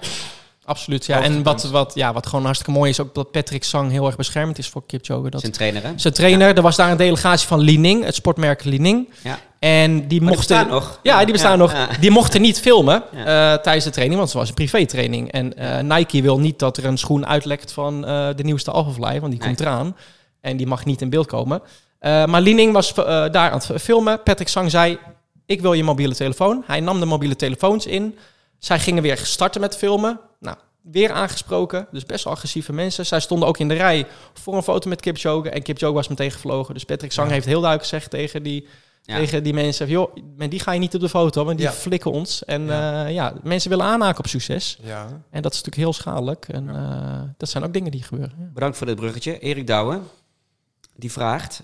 eh Saucony Endorphine Elite of Nike Vaporfly? Of, eh, ik als man met drie strepen op mijn hart, eh, Ja. misschien wel... een- ik heb je ook veel op Adidas zien lopen daar. Zeker, ja. Ja. Adidas eh, de Pro Ja. 3, dat is mijn persoonlijke favoriet. Ik ben een haklander en ik heb iets meer stabiliteit nodig. En die. Pro 3 heeft een wat eh, sta- ja, stabiele loopvlak. Nou, ik eh, ben hier in de winkel als, eh, als winkelmedewerker inderdaad. Geef advies, eh, kleding, schoenen, sokken, schoenen. En, nou, en we doen ook loopanalyses. We hebben een hele mooie shoe advisor. En eigenlijk kan ik niet zo zeggen wat nou de beste schoen Dat is. is gewoon persoonlijk. Dat is persoonlijk. onze gast Franklin. eh, Je kan eh, wel zei. natuurlijk naar Ja. de aantallen kijken. Waar wordt het meest van verkocht? Kijk, Nike, Adidas, die staan echt wel op een eh, heel goed niveau. Maar de andere merken die haken nu echt goed aan qua carbon. Je ziet dat het foammateriaal goed ontwikkeld is. Hoka die heeft nu met de Rocket X2 een mooie stap gezet. Eh Saucony inderdaad, Endorphin Ja. Elite Speed, de, eh, Mizuno, de Rebellion Pro. Ik zou eigenlijk iedereen aanraden, ga bijvoorbeeld naar Amsterdam, naar Herman Leeman. Dat is mijn Mhm. Ja. collega, Ja, eh, ook een marathon, vent, eh, marathonlegende, fijne vent. Die kan je prima adviseren. Kom in Alkmaar, we hebben eigenlijk altijd de nieuwste schoenen staan. Eh, want dan kunnen we vooral kijken qua stabiliteit. Want voor En- mij zijn de Nike's echt waardeloos. Als ik daar eh marathon zou lopen, zou ik misschien niet eens onder de drie uur lopen. Dat is echt... eh, En wa- waar word je warm van? dan? Welke schoen heb je onder je voetjes? Waar word ik warm van? Ja, ik heb eh 35 paar schoenen thuis. Dus eh, het is moeilijk om te zeggen waar ik... eh, feeling. Je hebt ik, meer eh, schoenen dan je ja, vrouw, ja. dat weet ik zeker. Ik, eh, ik- Ja, ik- I know the feeling. Ja. Ik word wel warm van bijvoorbeeld de Hoka Speedcoat voor de trails. En Ja. dan mijn Nimbusjes eh, en mijn Saucony Triumph voor de duurlopen. En dan eh, de Adidas Pro 3 voor de snelle... De- Dus je loopt Rotterdam op. Adidas Pro 3, Ja. ja. Rotterdam gaan we zeker zo nog even heen. Eh nou, sterker nog, laten we dat nu maar even doen. Ehm, vaste vragen stellen David Klein. Eh, vraag voor Daan Glory, logisch. Eh, living the Kenyan Dream, dat heb je gedaan, letterlijk. Wanneer is die droom geslaagd voor jou? Want je hebt dit gedaan in aanloop naar Rotterdam. Je hebt Ja. wel bewust gekozen voor de experience. Dus niet alleen maar trainen, trainen, trainen, ook maar om meer- te ervaren. Ja. W- Wanneer is, of is de droom al geslaagd of pas als je in Rotterdam een bepaalde tijd gaat neerzetten? Nee, de droom is nu al geslaagd, omdat ik eh, ten eerste naar Kipchoge heb ontmoet. Ja. Ten tweede, ik heb goede trainingsweek kunnen draaien van 100 kilometer plus. 110 kilometer in de eerste week en 100 kilometer in de tweede week. Eh, ik heb eh, safari, we zijn op safari geweest, we hebben Collegian House bezocht. Ik heb een basisschool bezocht en een middelbare school. We hebben met Alpha Running zijn wij sponsor van Shoe for Africa. En we hebben onze eigen school in Kenia, een middelbare school. Dat is best wel uniek in Kenia, want er zijn heel veel basisscholen, maar niet zo heel veel middelbare scholen. Nee. En die middelbare school in uh, Kapchorwa, dat is ook echt gericht op uh, uh, ja, jonge kinderen die willen presteren met hardlopen. Dus er zijn kinderen die naar het wereldkampioenschap junior gaan, maar ook hun studie daarnaast doen. En dat is uniek in Kenia, want dat is ja, wat ik net zei, of je bent toploper, of je doet, of je werkt op het land, of je. Ja. Maar dat combinatie, dat is vrij uniek. Dus um, ja, dat dat is de, ik heb die school bezocht, dus die, die, die experience was voor mij compleet, zeg maar. Die drie dingen. Goed kunnen trainen, Kipchoge ontmoeten. En, en dingen uh, geleerd. en de school kunnen zien inderdaad. En ja. dingen geleerd, ja. ja. Maar sowieso, als ik dan nog even mag inhaken, ik zie allemaal hele mooie goede doelen dingen natuurlijk. Maar je, bent, je houdt zelf ook wel van goede doelen dingen, toch? Je, je, hebt ook meerdere dingen wel gedaan. Het is een meer andere insteek, maar daar word je ook wel warm van. Uh, ja. Johan Cruijff Foundation. Als, als topsporter ben je heel egoïstisch. En ik denk dat het heel mooi is als je wat teruggeeft. Toch? En ik, uh, wat ik soms wel eens jammer vind, is dat sommige topsporters die die trainen wel heel veel, maar die laten weinig zien van hoe ze dan trainen. Of ik zou er meer van willen weten. Ik heb dan Eh, Luca Assorgia en Filemon Tessu, ja, die zijn ook allemaal topatleten. En die zijn jonge uh, aan, aanstormende atleten. Die hebben wel op Instagram al af en toe wel een fotootje gedeeld, maar uh, geen vlogs of relatief weinig. Dan denk ik, daar zit een gemiste kans qua marketing. En laat jezelf zien, maak een kort filmpje, al is het maar twee minuten. Daar zit natuurlijk een reden achter. Dat ja. ze het, het geheim van de smid ja, misschien geheim van de Smit. Maar ik denk dat ja. uh, wat ik nu zie bijvoorbeeld op Instagram met Grete Koens, ook een van de toptrainers. Zij deelt het hele trainingsschema van Di Diana van S. Want dat is een beetje dat schaatsen toen gedaan heeft, uh, hoe heet die, die, uh, die de 10 kilometer won? Van de pool. Van de, van de pool. Dat is ja. een beetje hetzelfde als wat wij hebben over gehad over de Kenianen. Je kan wel het schema hebben van Diana van S, maar je hebt niet het leven. Dus, nee, daarom, dat zeg je net ook. Je kan trainen als een Keniaan. Ik weet heel goed dat ik weet heel goed dat Erme was ooit in de podcast zei van ja, jij kan mijn trainingsschema kopiëren, maar ik word wereldkampioen en jij niet, want ik weet wat er achter het schema zit. Ja. En jij niet. Dus. Uh, David Klein. David Klein. Ja, hij had ook nog een tweede vraag. Um, die, die, die, die vind ik een beetje moeilijk. Uh, ja, wat is de rode draad in al je gelopen marathons? Dat wil hij ook van ons weten. Nou, bij mij is die rode draad heel duidelijk, dus daar kan ik zo heel snel over antwoorden. Maar uh, wat is jouw rode draad in al jouw... Uh, ik heb stiekem die vraag ja. over nagedacht. Ja, ik zag hem voorbij komen. Die stond gewoon in de comments. Die stond openbaar. Ik denk de drive om te willen presteren. Dus ik doe altijd mijn best tijdens de marathons. Ik heb nog nooit een marathon gehad dat ik, nou, laat zeggen, 60% mijn best heb gedaan. Altijd 100% mijn best doen. Uh, eigenlijk altijd willen finishen. Dat is maar één keer niet gelukt bij de 60 van uh, Graaf Karskum Trail van Robert Kinberger. Die oh, ja, heeft dat uh, georganiseerd. Daar moest ik uitstappen na 40 kilometer. Dat was twee weken na Rotterdam. Toen had ik last van... Had ik last van mijn maag en mijn hoofd en niks, niks lukte meer. Maar het willen... Nee, je bent gewoon veel te hard gestart. Ja, en, en te hard gestart. en het, het, het, willen, het willen presteren, dat is eigenlijk de rode draad. Dus altijd goed voorbereid zijn, 100% je best doen. En zoeken naar de, de, ja, die volgende 1%. Bij jou, uh, José? Oh, ja, ik las die vraag. Ik dacht, Jij hebt niet zoveel marathons. Uh, ik zit op 62 nu, maar ik, ik ja. heb, uh, mijn rode draad voor de marathon is dezelfde rode draad als voor de ultra, dezelfde als die voor de 10 kilometer, dezelfde als die voor een halve marathon. Ik ben een hardloper, dus ik, ik hou van die sport. En het maakt me niet uit hoe lang of kort die is, ik hou gewoon van het hardlopen. Dus het rode draad is gewoon, ik hou van het rennen zelf. Plezier. Maakt niet uit, ja. ja. Hardlopen is leuk. Mijn rode draad het, het zal oh. daarvoor moeten weten als, als uh, ook mede-pacer. Mijn rode draad is gewoon zorgen dat ik op, dat, op die tijd uitkom die op mijn bordje staat. Oh ja, tuurlijk. Ja. ja, dus, de pacer. ik heb nog nooit uh, zelf een marathon gelopen. Ik heb met, met een startnummer en een, uh, nog helemaal nooit. Uh, wel die ambitie? Daar, daar zou het niet meer over hebben. Nee, ik heb ooit de ambitie gehad om een 3.13 te lopen in Valencia, dat weet je, maar dat blijkt niks voor mij te zijn. Ja, maar we hebben niet over een tijd. Gewoon nee. ambitie zelf een marathon te lopen. Nee, dan, ja, de ervaring, ik zou wel een keer New York willen lopen. of uh, Tokio. Nee, of, uh, of, of, marathon. Ik ga van de zomer op vakantie naar marathon. Dus ik ga zeker een marathon in marathon lopen. Um, en misschien ook, misschien ook wel een rode, misschien ja. ook wel een rode ja. draad is dat marathon lopen. Als jij natuurlijk traint voor een marathon, je blijft maar fit. Ik word heel geïnspireerd door, door oudere lopers die nog steeds sneller zijn dan mij. Ik heb Ralf Apeldoorn bij, bij Dem, oh waar ik dan train. Die is supergoed. Die wint nog regionale wedstrijdjes. Heeft, heeft zijn eerste Nederlands uh, kampioenschaptitel gehaald afgelopen jaar. Maar ja, Herman Leeman ook een inspiratiebron. Want die, ja, die, die ademt hardlopen, maar die is nog steeds super fit. Mm -hmm. En uh, mijn zoon Bram is, ik had al uitgerekend, als hij 18 jaar is, ben ik 51. Mm -hmm. Ik wil samen een marathon kunnen rennen op mijn 51ste. Dus ja, ik moet de komende 16, 17 jaar moet, moet ik nog door. Nou, dus dat is uh, dat, dat, uh, motivatie dat wordt misschien nu een nieuwe. Maar als Joost Schoonbrood laat zien dat dat prima kan. dat is misschien nu een nieuwe rode draad, zeg maar. Wat ja. mooi. Als we dan toch even naar, uh, naar, naar, naar Rotterdam gaan, heb je een tijd in je hoofd? Ja, ik heb zeker een tijd in mijn hoofd. Ik uh, 2,39 onder de 2,40. Dat is een, uh, magische grens. Ja. Ik, uh, ja, je hebt, als loper wil je elke keer een, een magische grens, omdat dat een, een nieuwe horizon geeft. Je moet elke keer weer denken, wat, hoe bereik je dat inderdaad? Ik heb vorig jaar de stap gemaakt van 2,56 naar 2,46. Ja. Door 10 maanden met een personal trainer te werken, krachttraining gedaan. Uh, ik heb op mijn voeding gelet. Ik ben 14 kilo uh, afgevallen door uh, de koolhydraten iets laag te zetten en de eiwitten iets hoger. Dus meer kwark eten, meer omeletjes met groenten maken, meer variëren met je eten. koolhydraatvervangers ook zoeken. Dus je hebt bloemkoolrijst heb je tegenwoordig en ja. dat soort dingen. Ja. dat was echt super fijn en ik heb nu die, die levensstijl helemaal opgevat. dus ja, die 246, 239. Ik denk dat erin zit. Ik had schoolrol, had ik al als mooie testen, 30 kilometer in 1,51. Nou, ik ging meteen de avond van school ging ik uh, in de calculator ja, ja, op, uh, op ProRun ging kijken wat als je dit doortrekt. Is 2,41. Nou ja, met Kenia en, en uh, nog twee maanden daarna vastgeplakt trainingen van 100 kilometer. 100 kilometer is wel een beetje mijn heilige graal nu. Eh, dan is 2,39 zou mogelijk zijn. In, Zit jij dan, even heel kort de vraag, zit jij qua Kenia precies op het schema voor apri- eh, april, dus eh, Rotterdam? Of had je hem ietsjes langer moeten doortrekken? Eh, ja, eh, dus ik ben op twee weken gegaan. Wat ik zei, drie weken is eigenlijk ideaal. Dus dat eh, had nog beter geweest.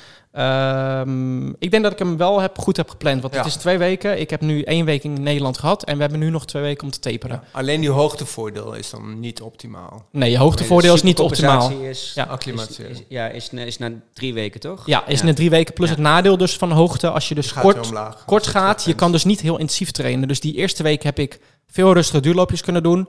Maar weinig echt harde intervallen. Kan je Christophe nog vragen of je een hoogtetent eh, voor je thuis eh, Hij heeft, het, eh, hij heeft het aangeboden, maar Nee, eh, ja, ik... Michel deed het ook, toch? Ja, Micha deed het ook inderdaad. Nou, ik heb wel eh, erover gehad met mijn vrouw Sharon. Maar ja, ik snap ook wel, er zijn wel bepaalde dingen, dat is wel heel extreem. Ja, Ik zou dat ook niet zelf willen hoor, sowieso. Ik vind dat te veel gemaakt. En ga maar gewoon eh, op hoogte op trainingskamp. Het zal sowieso iets voordeel hebben. Ja. Mentaal, fysiek en eh be happy, zeg maar. Ja. Eh, ik vind, je moet niet een te veel obsessie worden, zeg maar, uit sport. Mooi. nee. Dus, Blijft ook nog gewoon Heb je dat geleerd van een Keniaan ook? Want dat wilde Mark van der Streek graag weten. Die zei, eh, je YouTube-video's vindt hij, eh, vindt hij erg interessant. eh, waarvoor dank. Excuus. Nog steeds? Nee, eh, ik verslikte me. Oh, oké. Oh, kun jij de vraag Nou goed, in Kenia spreken ze dus over de Keniaanse loopfilosofie. En eh, way of life met betrekking tot hardlopen. Kun je er iets over vertellen? Ja, nou de, de way of life, nou ja, dat, dat zie je wel als je daar traint. Zie je gewoon hele grote groepen met een gefocuste blik. En eh, je hebt daar de, een van de mooie trainingen, de Mooie Ben Road. Dat is de lange, lange weg van 20 kilometer. Die Ja. gebruiken heel veel Kenianen voor hun eh, lange duurloop. En het simpele van, eh, en dat er ook wel wat ik heb geleerd, maak de trainingen zo simpel mogelijk. Want een, een lange afstand vergt ook mentaal veel energie. Als jij moe bent, heb jij geen zin in stoplichten, bochtjes, heuveltjes, kuilen in de weg.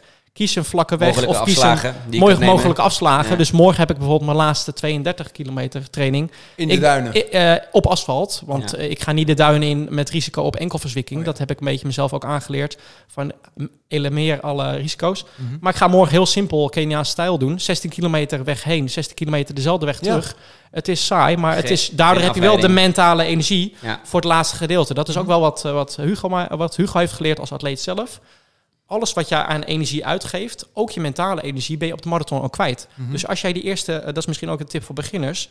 Als jij die eerste kilometers te veel bezig bent met... hey, eh, die man in het rode jack kan ik bijhalen... of die, die vrouw met die oranje sokken, die, die moet ik bijblijven... dan ben je te veel aan het denken. Ga eerst gewoon je eigen race... en probeer naar vijf kilometer... bijvoorbeeld als je 10 kilometer gaat lopen... eh, misschien bij iemand aan te haken. Maar ga eerst die vijf eerste Ja. deel Blijf van de race... weinig mentale energie uitgeven. Blijf bij jezelf. En is die way of life van Kenia dan een beetje wat je nu ook zegt, het, eh, het eenvoud wat ze hebben? Ja, het eenvoud, maar ook eh, het- een van de uitspraken eh, is dat eh, in Nederland hebben we de klok en in eh, Kenia hebben ze de You've tijd. got to watch, we've got the time. Ja, ja. Hele Mooi. mooie. En is neem de tijd voor Ja. de dingen, neem de tijd voor de kleine dingen. Geniet van je zoon als hij in bad zit of eh, je gaat spelen. Leg je mobiel eh, ver weg op zolder, van spreken. Dat ding, eh, ja, dat, dat inspireert je natuurlijk, maar eh, is eh, de, ook onnodige afleider. Da- en ik heb mezelf erop betrapt. Ik zat daar in een kamp met iemand uit Iran, mensen uit India. We waren met z'n vijven.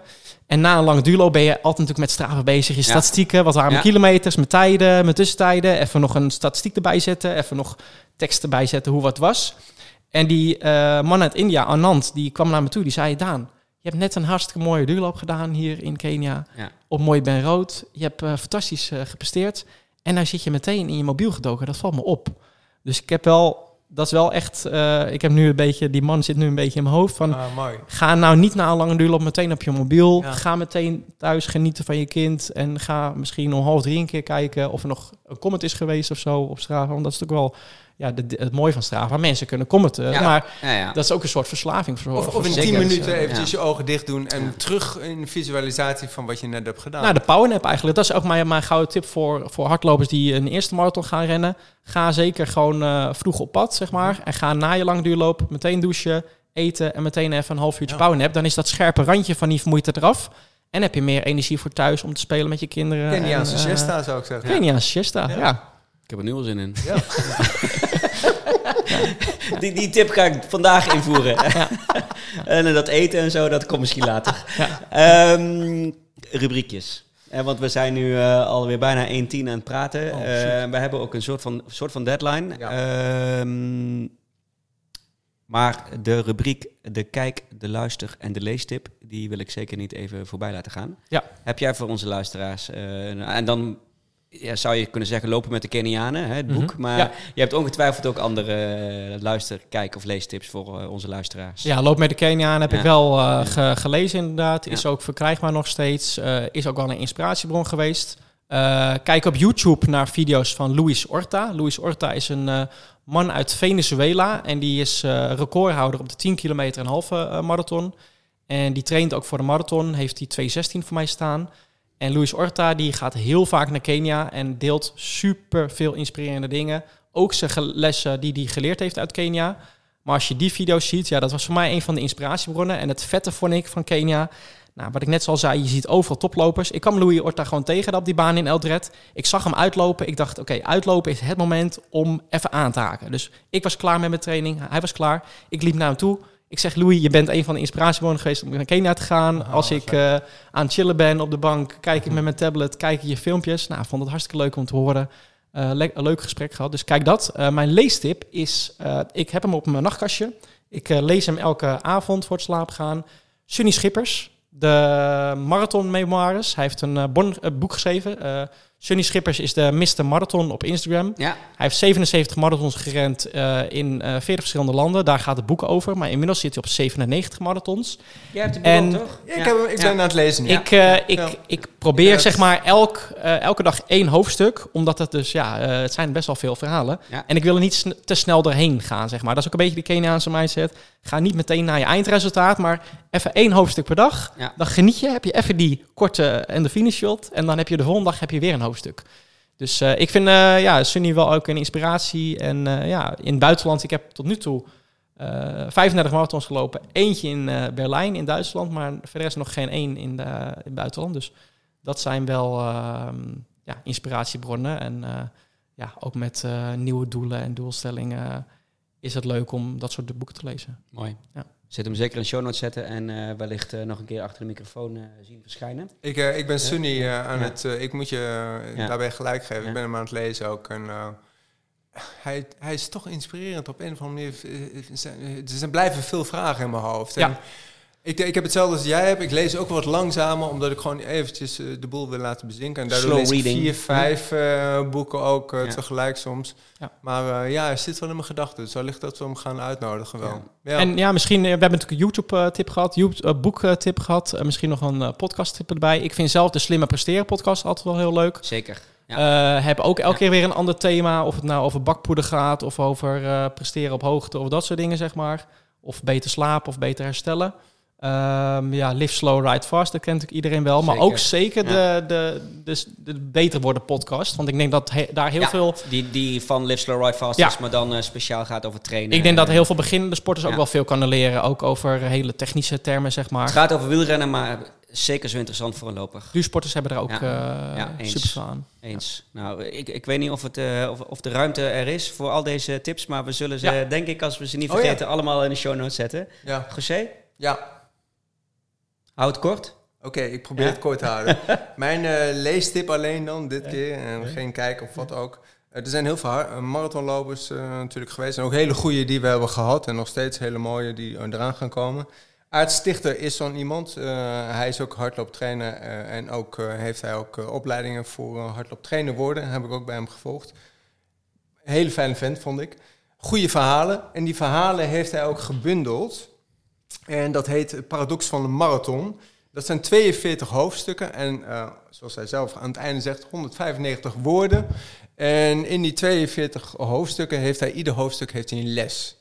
Uh, zijn anekdotes zijn geweldig.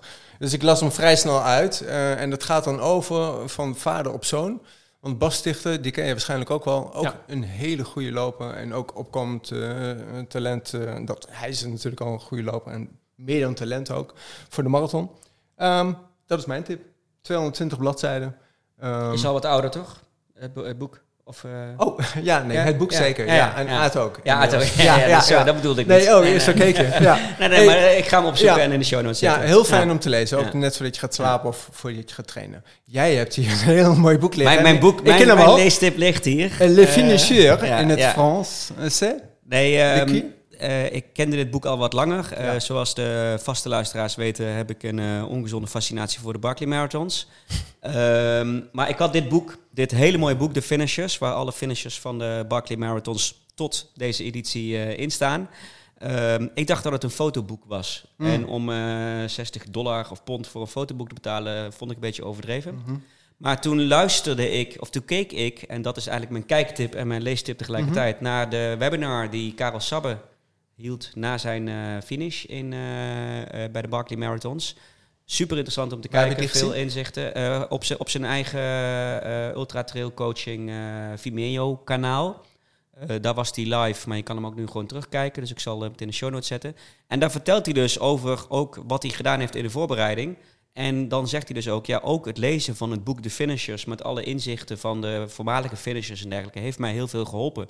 Toen dacht ik van, hé, hey, het is veel meer dan een fotoboek. En toen heb ik het meteen besteld. En eh, gistermiddag kwam het, eh, Want dacht je... binnen. En oh, ik ben nu wel verliefd op dacht je? boek. de- Ja. Oh, het is Ja. Alexis Berg weer. Ja, ik dacht, dat zijn foto's. Ja, ja, ja, maar, en Alexis Berg maakt schitterende foto's. Ik heb hem in Alleen, Chamonix eh, ik, gelezen. ik alleen hoef geen het Frans. 60, pa- Ja. 60 dollar te betalen om naar Nee, foto's te kijken. Eh, dat vond ik een beetje Nee, zonde. want we, hè, dat ieder hoofdstuk eh, is dan... Een finisher, maar ook eh, over alle vrouwen die aan de Barkley eh, hebben meegedaan. Ook over les zelf natuurlijk, over de course, over de gekke gewoontes. Het is echt een, een, een feest. Ik, eh, ja, ik, ik, ben, ik hou van boeken, dat weten ook de vaste luisteraars. Maar hier ben ik echt verliefd op. Nu nou-. Hij is ruikt ook gewoon lekker. ja, Nog ja. steeds jouw Noordstar? Of, eh, Ehm, ik denk dat het realistisch... Mijn Noordstar is aanwezig zijn bij de Barkley. En dat- mag als, eh, als een keer speciale verslaggever of eh lo- looppraatopname of als crewmember of op welke manier dan ook. Het moet natuurlijk ook wel een beetje kleinschalig blijven. Maar meedoen, nee, dat is niet realistisch. ik vind het wel leuk om de Noordstar nog eventjes te delen, mijn Noordstar. Ja, ja, ik ben heel geïnspireerd ook door José met zijn eh ultradeel op de Mont Blanc, zeg maar. Ik Ja. heb Oh, YouTube ja. heb ik ook Ja. eh, video's gezien. Eh, en dan heb je dus de CCC, heb je het Ja. ook wel eens over gehad. De Ja. 100 kilometer, dat Ja. zou voor mij wel echt een mooie uitdaging zijn. Ik weet niet of twee nachten doorhalen echt mijn, eh, mijn favoriete ding is. Maar 100 kilometer Ja. lijkt mij nog wel echt heel tof. En eh, ik heb nog een ander eh, heel tof project wat nog nooit is gedaan in Nederland. Je hebt van Nicky Terpstra en Lausterdam heb je de Noord-Holland 100. De Ja, 100ste eh, zeker. kilometer mooiste paden Ja, voor mountainbikers. Ik wil eigenlijk stiekem binnen nu en 1, 2 jaar de Noord-Holland 100 eh, lopen. Nice. Dat is voor mij nog nooit gedaan. En het, is, eh, het past bij mij omdat het in mijn achtertuin is. Ja. Ik ken het gebied van Wijkenzee school heel goed. Maar er zijn heel veel paadjes waar ik nog nooit heb gelopen. En ik heb via mijn werk met Jordi Hendricks, eh, die, die, loopt, of die eh, fietst veel inderdaad. ja. Met. Michel Butter, met Ja. met dat groepje. En ik wil eigenlijk iets kleins organiseren. Want het moet niet, moet niet een evenement worden. Maar het lijkt me heel tof omdat ik rond kilometer ga lopen. Misschien met een groepje van, eh, van vier, vijf man. En dan eh, samen met die fietsers erbij, dat zij dan eh, bidonnetjes misschien aangeven. Dat ze het misschien leuk vinden om een deel te helpen of misschien eh, de hele Ik gedeelte. ben erbij. Ja. Ik, ga je En eh, ja, Leuk. dan gewoon, dat, dat zou denk ik mijn allereerste 100 kilometer zijn, die, die, die Noord-Holland 100. En dat is denk ik een mooie voorbereiding op misschien de Ultra Trail de Mont Blanc. Nou zit Ja. daar veel meer hoogtemeters in. Er zal tussendoor ook wel misschien een 60 van Texel tussen zitten. Ja. En een, eh, misschien in, ergens in Oostenrijk, Zwitserland, een Dolomieten Marathon, dat soort dingen. Maar eh, dat lijkt mij een mooie als ik naar de ultra. hoor, eh, want, want 100 kilometer lopen zou jij bij wijze van spreken volgende week ook kunnen, denk ik. Maar daar ga je niet voor eh 10 kilometer per uur. Nee, nee, Nee. maar eh, ik wil dit jaar al wel een beetje Ja. het overstappen naar, Ja. maken naar trailrunning. Na Ja. Rotterdam is het tijd voor eh relaxen, ontspannen eventjes een tijdje. Je hebt eh, in het najaar het NK Trailrunning. Komt voor de eerste keer sinds eh, na zes jaar komt dat weer terug in Nederland, in Nijmegen. Eh, En hij wordt ook... ge- 58 en, eh, eh, Waar ja, is die? 28. In, in eh, Nijmegen. en Nijmegen, ja. in Nijmegen wordt ook...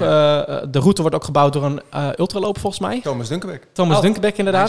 nice. Eh, dus dat NK Trailrunning lijkt mij... Da- daar ga ik sowieso deelnemen, omdat ik dan de tijd loslaat, zeg maar. En wat Mhm. meer gaat voor de strijd en voor de ervaring en de, de route. Ehm, want ik heb gemerkt, ja, twee keer twee stadsmarathons in een jaar... dan ben je te veel in die tredmolen van marathon, marathon. En de trailrunning, dat eh, is fantastisch. Dat daar liggen ook Ja. avonturen, net zoals open water, zeg maar, waar we het begin over hebben gehad. Daar liggen ook... Mooi doel. ja. Ja, Ja. mooi doel. Die NH100 zou natuurlijk ook onderdeel kunnen zijn van, van je ultra eh. Ja, nou dat zou... eh, we zouden in Noord-Holland een, eh, Ja. een, een, eh, Je hebt de, Noord-Holland eh, eh, fietsroute. Ja. Die is ook heel populair inderdaad. Eh, nou, het IJsselmeer is dichtbij en dan... eh, Ja. ja. ik, eh, ja, misschien dat dat nog een Noordstar is, ja. En, niet, eh, en, en, en, en heb je ook nog een, een Noordstar marathontijd in je hoofd? Ja, ja ik eh, Want je, wil... zei, je zei in het begin die 1%. En Ja. nou ja, je bent nu, volgens mij zat je eerder op, op 8 of 9% die er iedere keer af is gegaan. Maar Klopt, eh, Ik denk dat eh 2,29 dat dat mogelijk is. Ik geloof dat Dolph Jansen, dat is ook een van mijn eh, inspiratiebronnen, eh 2,28 heeft staan. Zou misschien wel tof vinden om de marathontijd van Dolph Jansen te verbreken. 2,28, 2,50 of zo, maar een beetje die omgeving. Ja. Ja, kijk, ik ga sowieso niet stoppen met hardlopen. Dus het is eh, going the process en love the process. Ehm, dus ik denk dat dat, eh, ja, misschien als ik 40 ben, 50. Herman Leeman, eh, ja, dat loopt Ja. ook nog steeds reet hard. Dus ik Ja. denk dat dat... 2,35 geloof ik. Koen de Jong, Ja. en had zilver. Koen de Jong ook. Koen de Jong, die loopt ook het een naar de andere die PR. alleen maar harder. Ja, ook alleen maar harder. Dus ik denk dat het erin Laatste zit. ook trouwens. Ja. Maar eh, ik zal altijd het marathonlopen willen combineren met trailrunning. Mhm. Ik, heb, ik eh, zie wel een beetje wat, wat ook inspiratie met Nienke Brinkman natuurlijk. Ja. Ik zou een keer een marathon willen rennen met de Nienke Brinkman voorbereiding. Ja. ja. Dus dat betekent gewoon echt 90% alleen maar trailrunning doen. En misschien af en toe wat marathonblokken. En dan kijken we eh, ja, Daar zit Wat natuurlijk ko- wat al jouw komt inzicht eruit? 2 zit daar al in. Hè? Hoogtemeters. hoogtemeters. Eh, ja, onverhard ja. lopen. Inzicht eh, 1 zit er eigenlijk ook een klein beetje in. Hè? Ja. Ik bedoel, eh, een trail is toch allemaal iets rustig meer, beginnen. Ja, ru- rustiger, relaxter Ja. en meer luisteren naar je, je lijf. En, eh. Niet naar je horloge staren de hele tijd. De hele beleving. Behalve op voor de route dan. Hè? Al voor een route, ja. Of, of als je een keer een tijger tegenkomt. Ja. Ehm, dit, dit, dit is eigenlijk een soort, meestal een soort van slot, slotvraag. Van Mhm. wat zijn nog plannen? En te- maar, Maar nee. Maar, maar, maar nee. nee eh, ja, eh, we hebben heel veel vragen gehad, ook eh, die, die, die eigenlijk al beantwoord zijn. Joost, eh, VBA, dingen die je nu het anders doet, heb je verteld. Eh die wat je die wilde weten, hoe je, eh, hoe je trainingen van eh, Guido en Mi- en Michel zijn, heb je eigenlijk ook al verteld. Ja, Michel, Michel Ja, Guido doen ja, inderdaad ja. ook meer dat middengebied trainen.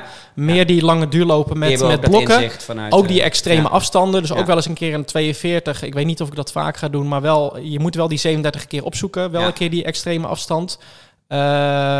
Ja, je aerobe en anaerobe drempel weten.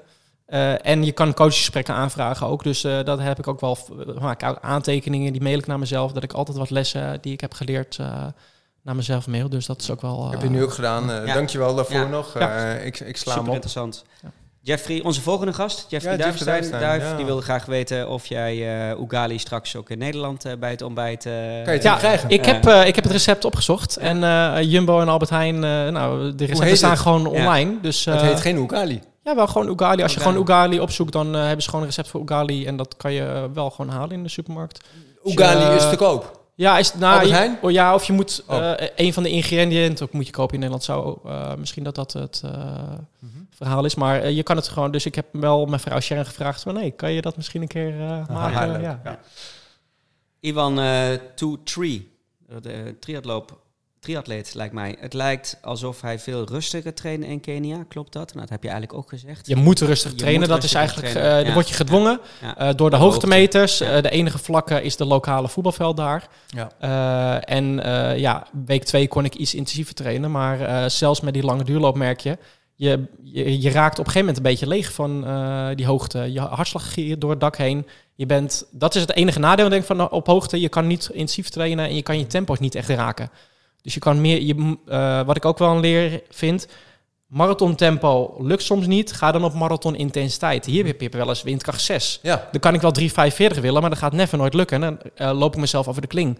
Dan kan ik beter op hartslag 155, dat is mijn marathonhartslag, tot 160 ongeveer. Kan ik beter op die hartslag weg. Want dan heb ik dezelfde. En ga, en ga ook op weg als de wind en de regen is. Want extra elementen zoals dit krijg je niet zo vaak. Dus Ja. train die ook. Ja, ja dat, Dat is, als het op de wedstrijddag ook zo is. dat is nog een inspiratiebron. Gerben Oevermans, dat is een ultraloper ook eh, Ja, in ook het Zuid-Hollandse. voormalig Ook voor mij toevallig Hendrikje de Ambacht. Ja. Maar die eh, loopt veel in de regen inderdaad, voor Mhm. de Ja. mentale aspect. Ja. Ja, en dan hebben we nog twee vragen die eigenlijk wel... Die horen wel bij looppraten. Dan kunnen we niet eh, zonder. Heb je een gekkigheidje? Gekkigheid. rubrieken bedoel je? Ja. Ik heb wel een gekkigheidje. Mijn, eh, ik heb eh, een eigen recept voor ugali, maar dan mijn eh, Nederlandse eh, variant ervan, zeg maar. Eh, kijk, Kenianen hebben dan Ugali waar ze dan in geloven. Ik geloof in mijn, mijn avondsnack. Vroeger deed ik net wel chocola, chips, dat soort dingen, zeg maar. Als lekker. Ik probeer de smaaksensatie nu te krijgen met iets anders. Dus mijn favoriet is eigenlijk kwark, handjenoten, wat rozijnen, wat honing en een schep eiwitpoeder. Eh, ik heb white chocolate, eh, eh, super lekkere smaak. Dat roer ik. En daar kan ik echt super van genieten. En ik geloof dat dat mij sterker maakt, ook als hardloper. Want er zitten extra eiwitten in. Ja. En het is bewezen dat als je extra eiwitten neemt voor slaap gaan, dat je dan een betere loper kan worden. Of tenminste beter kan herstellen, want je lichaam gaat in herstelfase. Dus, Moet wel eh, een naam hebben dan, hè? Ugali is natuurlijk ook mooi vanwege de naam. Dus, eh, eh, Ja, de, noem het... de, eh, de noem- Glory Snack. Noem het de, Ja, de ja, Glory Glory Snack. Snack. of, Ja, eh, Glory ja, noem het de Glory Snack. Ja. Ja, dan mag ik dan nog een kleine glory snack erbij doen. Ja. Ik, ik doe het ook wel eens, maar dan met griesmeel, rozijnen, een heel klein schepje eh pindakaas.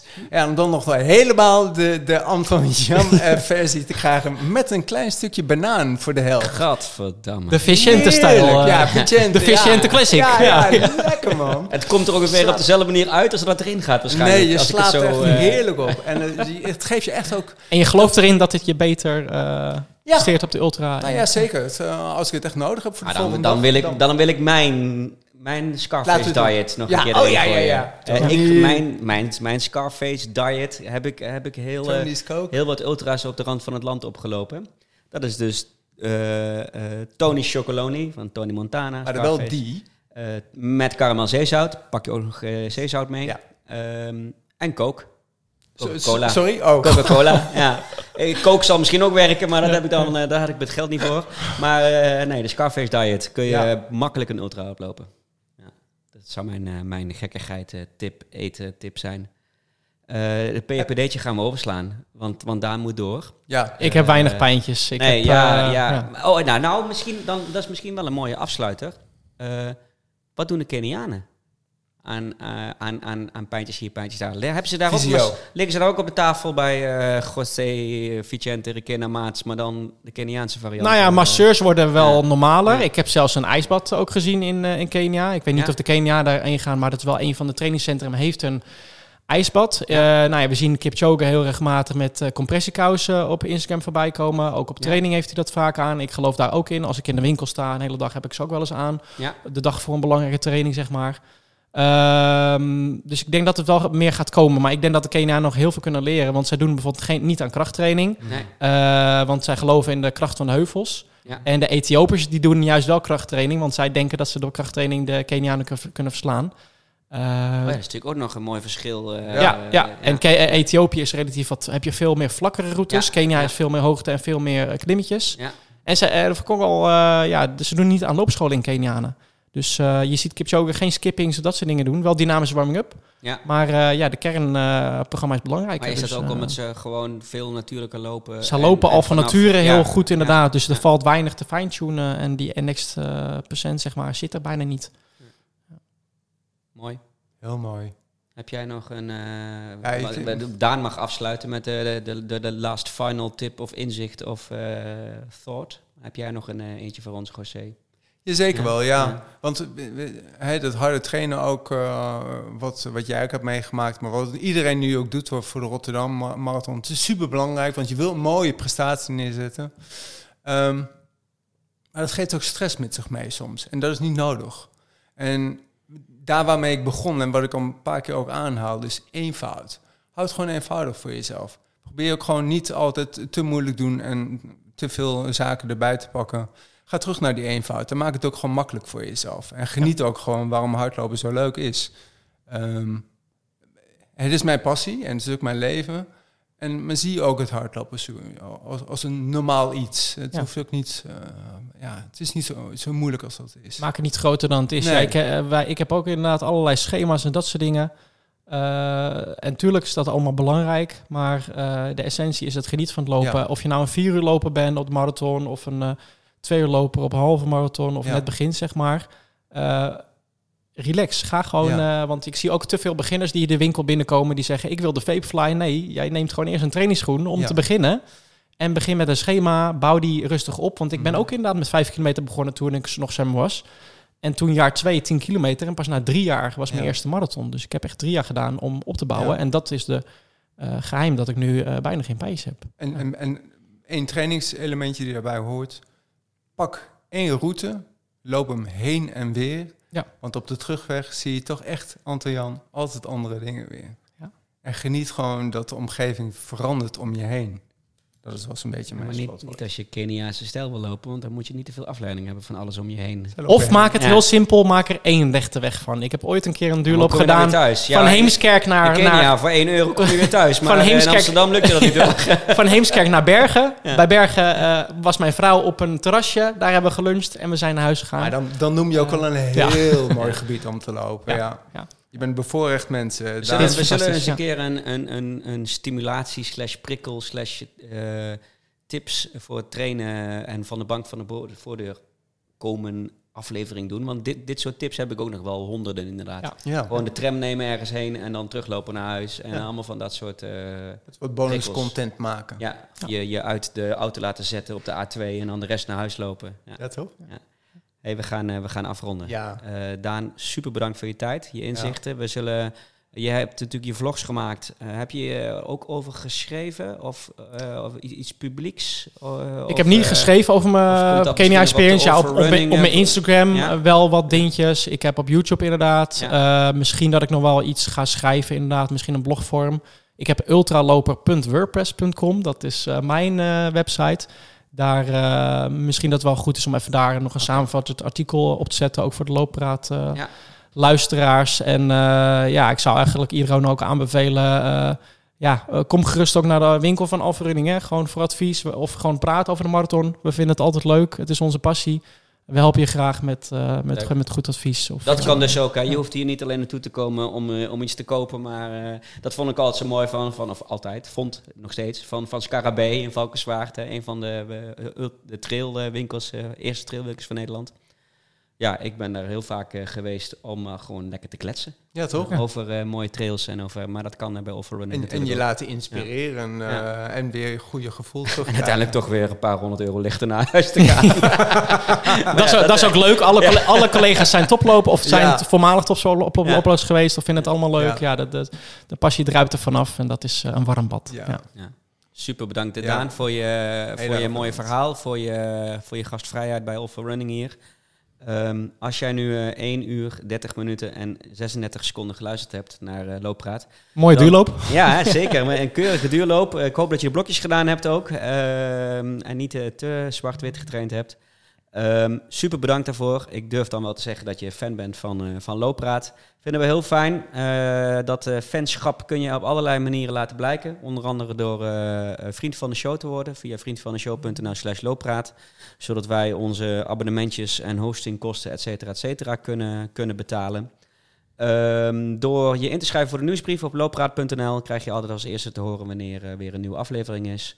Eh, en het allerfijnste vinden we eh, als je ook op eh, Apple Podcast onze review geeft. Ook een mooie textuele review. Spotify. We kregen een hele mooie update van, van onze vaste luisteraar Aad. Die had al een keer een review geschreven. Maar die heeft nu een update geplaatst om te zeggen dat ook met de nieuwe co-host José Vicente Requena Maats het een, een feest en, en heel erg leuk is. Ik weet niet of je dat al gezien had. Nee, heb ik niet Zal ik je zo nee. laten zien dan, want jij hebt natuurlijk geen Apple, geen iPhone. Ehm, ook op Spotify kun je ons eh, sterren geven. Daar zijn we heel blij mee. Niet zozeer alleen omdat we dan veel sterren krijgen, maar met name omdat we dan ook beter vindbaar zijn voor eh, misschien nieuwe lopers of nieuwe luisteraars. Dus eh, Vrienden van de show. had ik al gezegd. Pardon. Ja, eh, maar dat mag ook altijd, eh, mag ook altijd eh, nog een keer gezegd worden. Eh, dan rest mij niks anders dan eh, eh, hopen dat, eh, dat we bijna op 1.32 eh 32 zitten. Nee, gaan we niet redden. Moet Nee, ik echt te lang doorlullen. Dus Ja. we gaan hem gewoon afsluiten. Ja. Eh, bedankt eh, Daan nogmaals. Eh, blijf lekker luisteren en blijf lekker lopen. Tot Loop de volgende.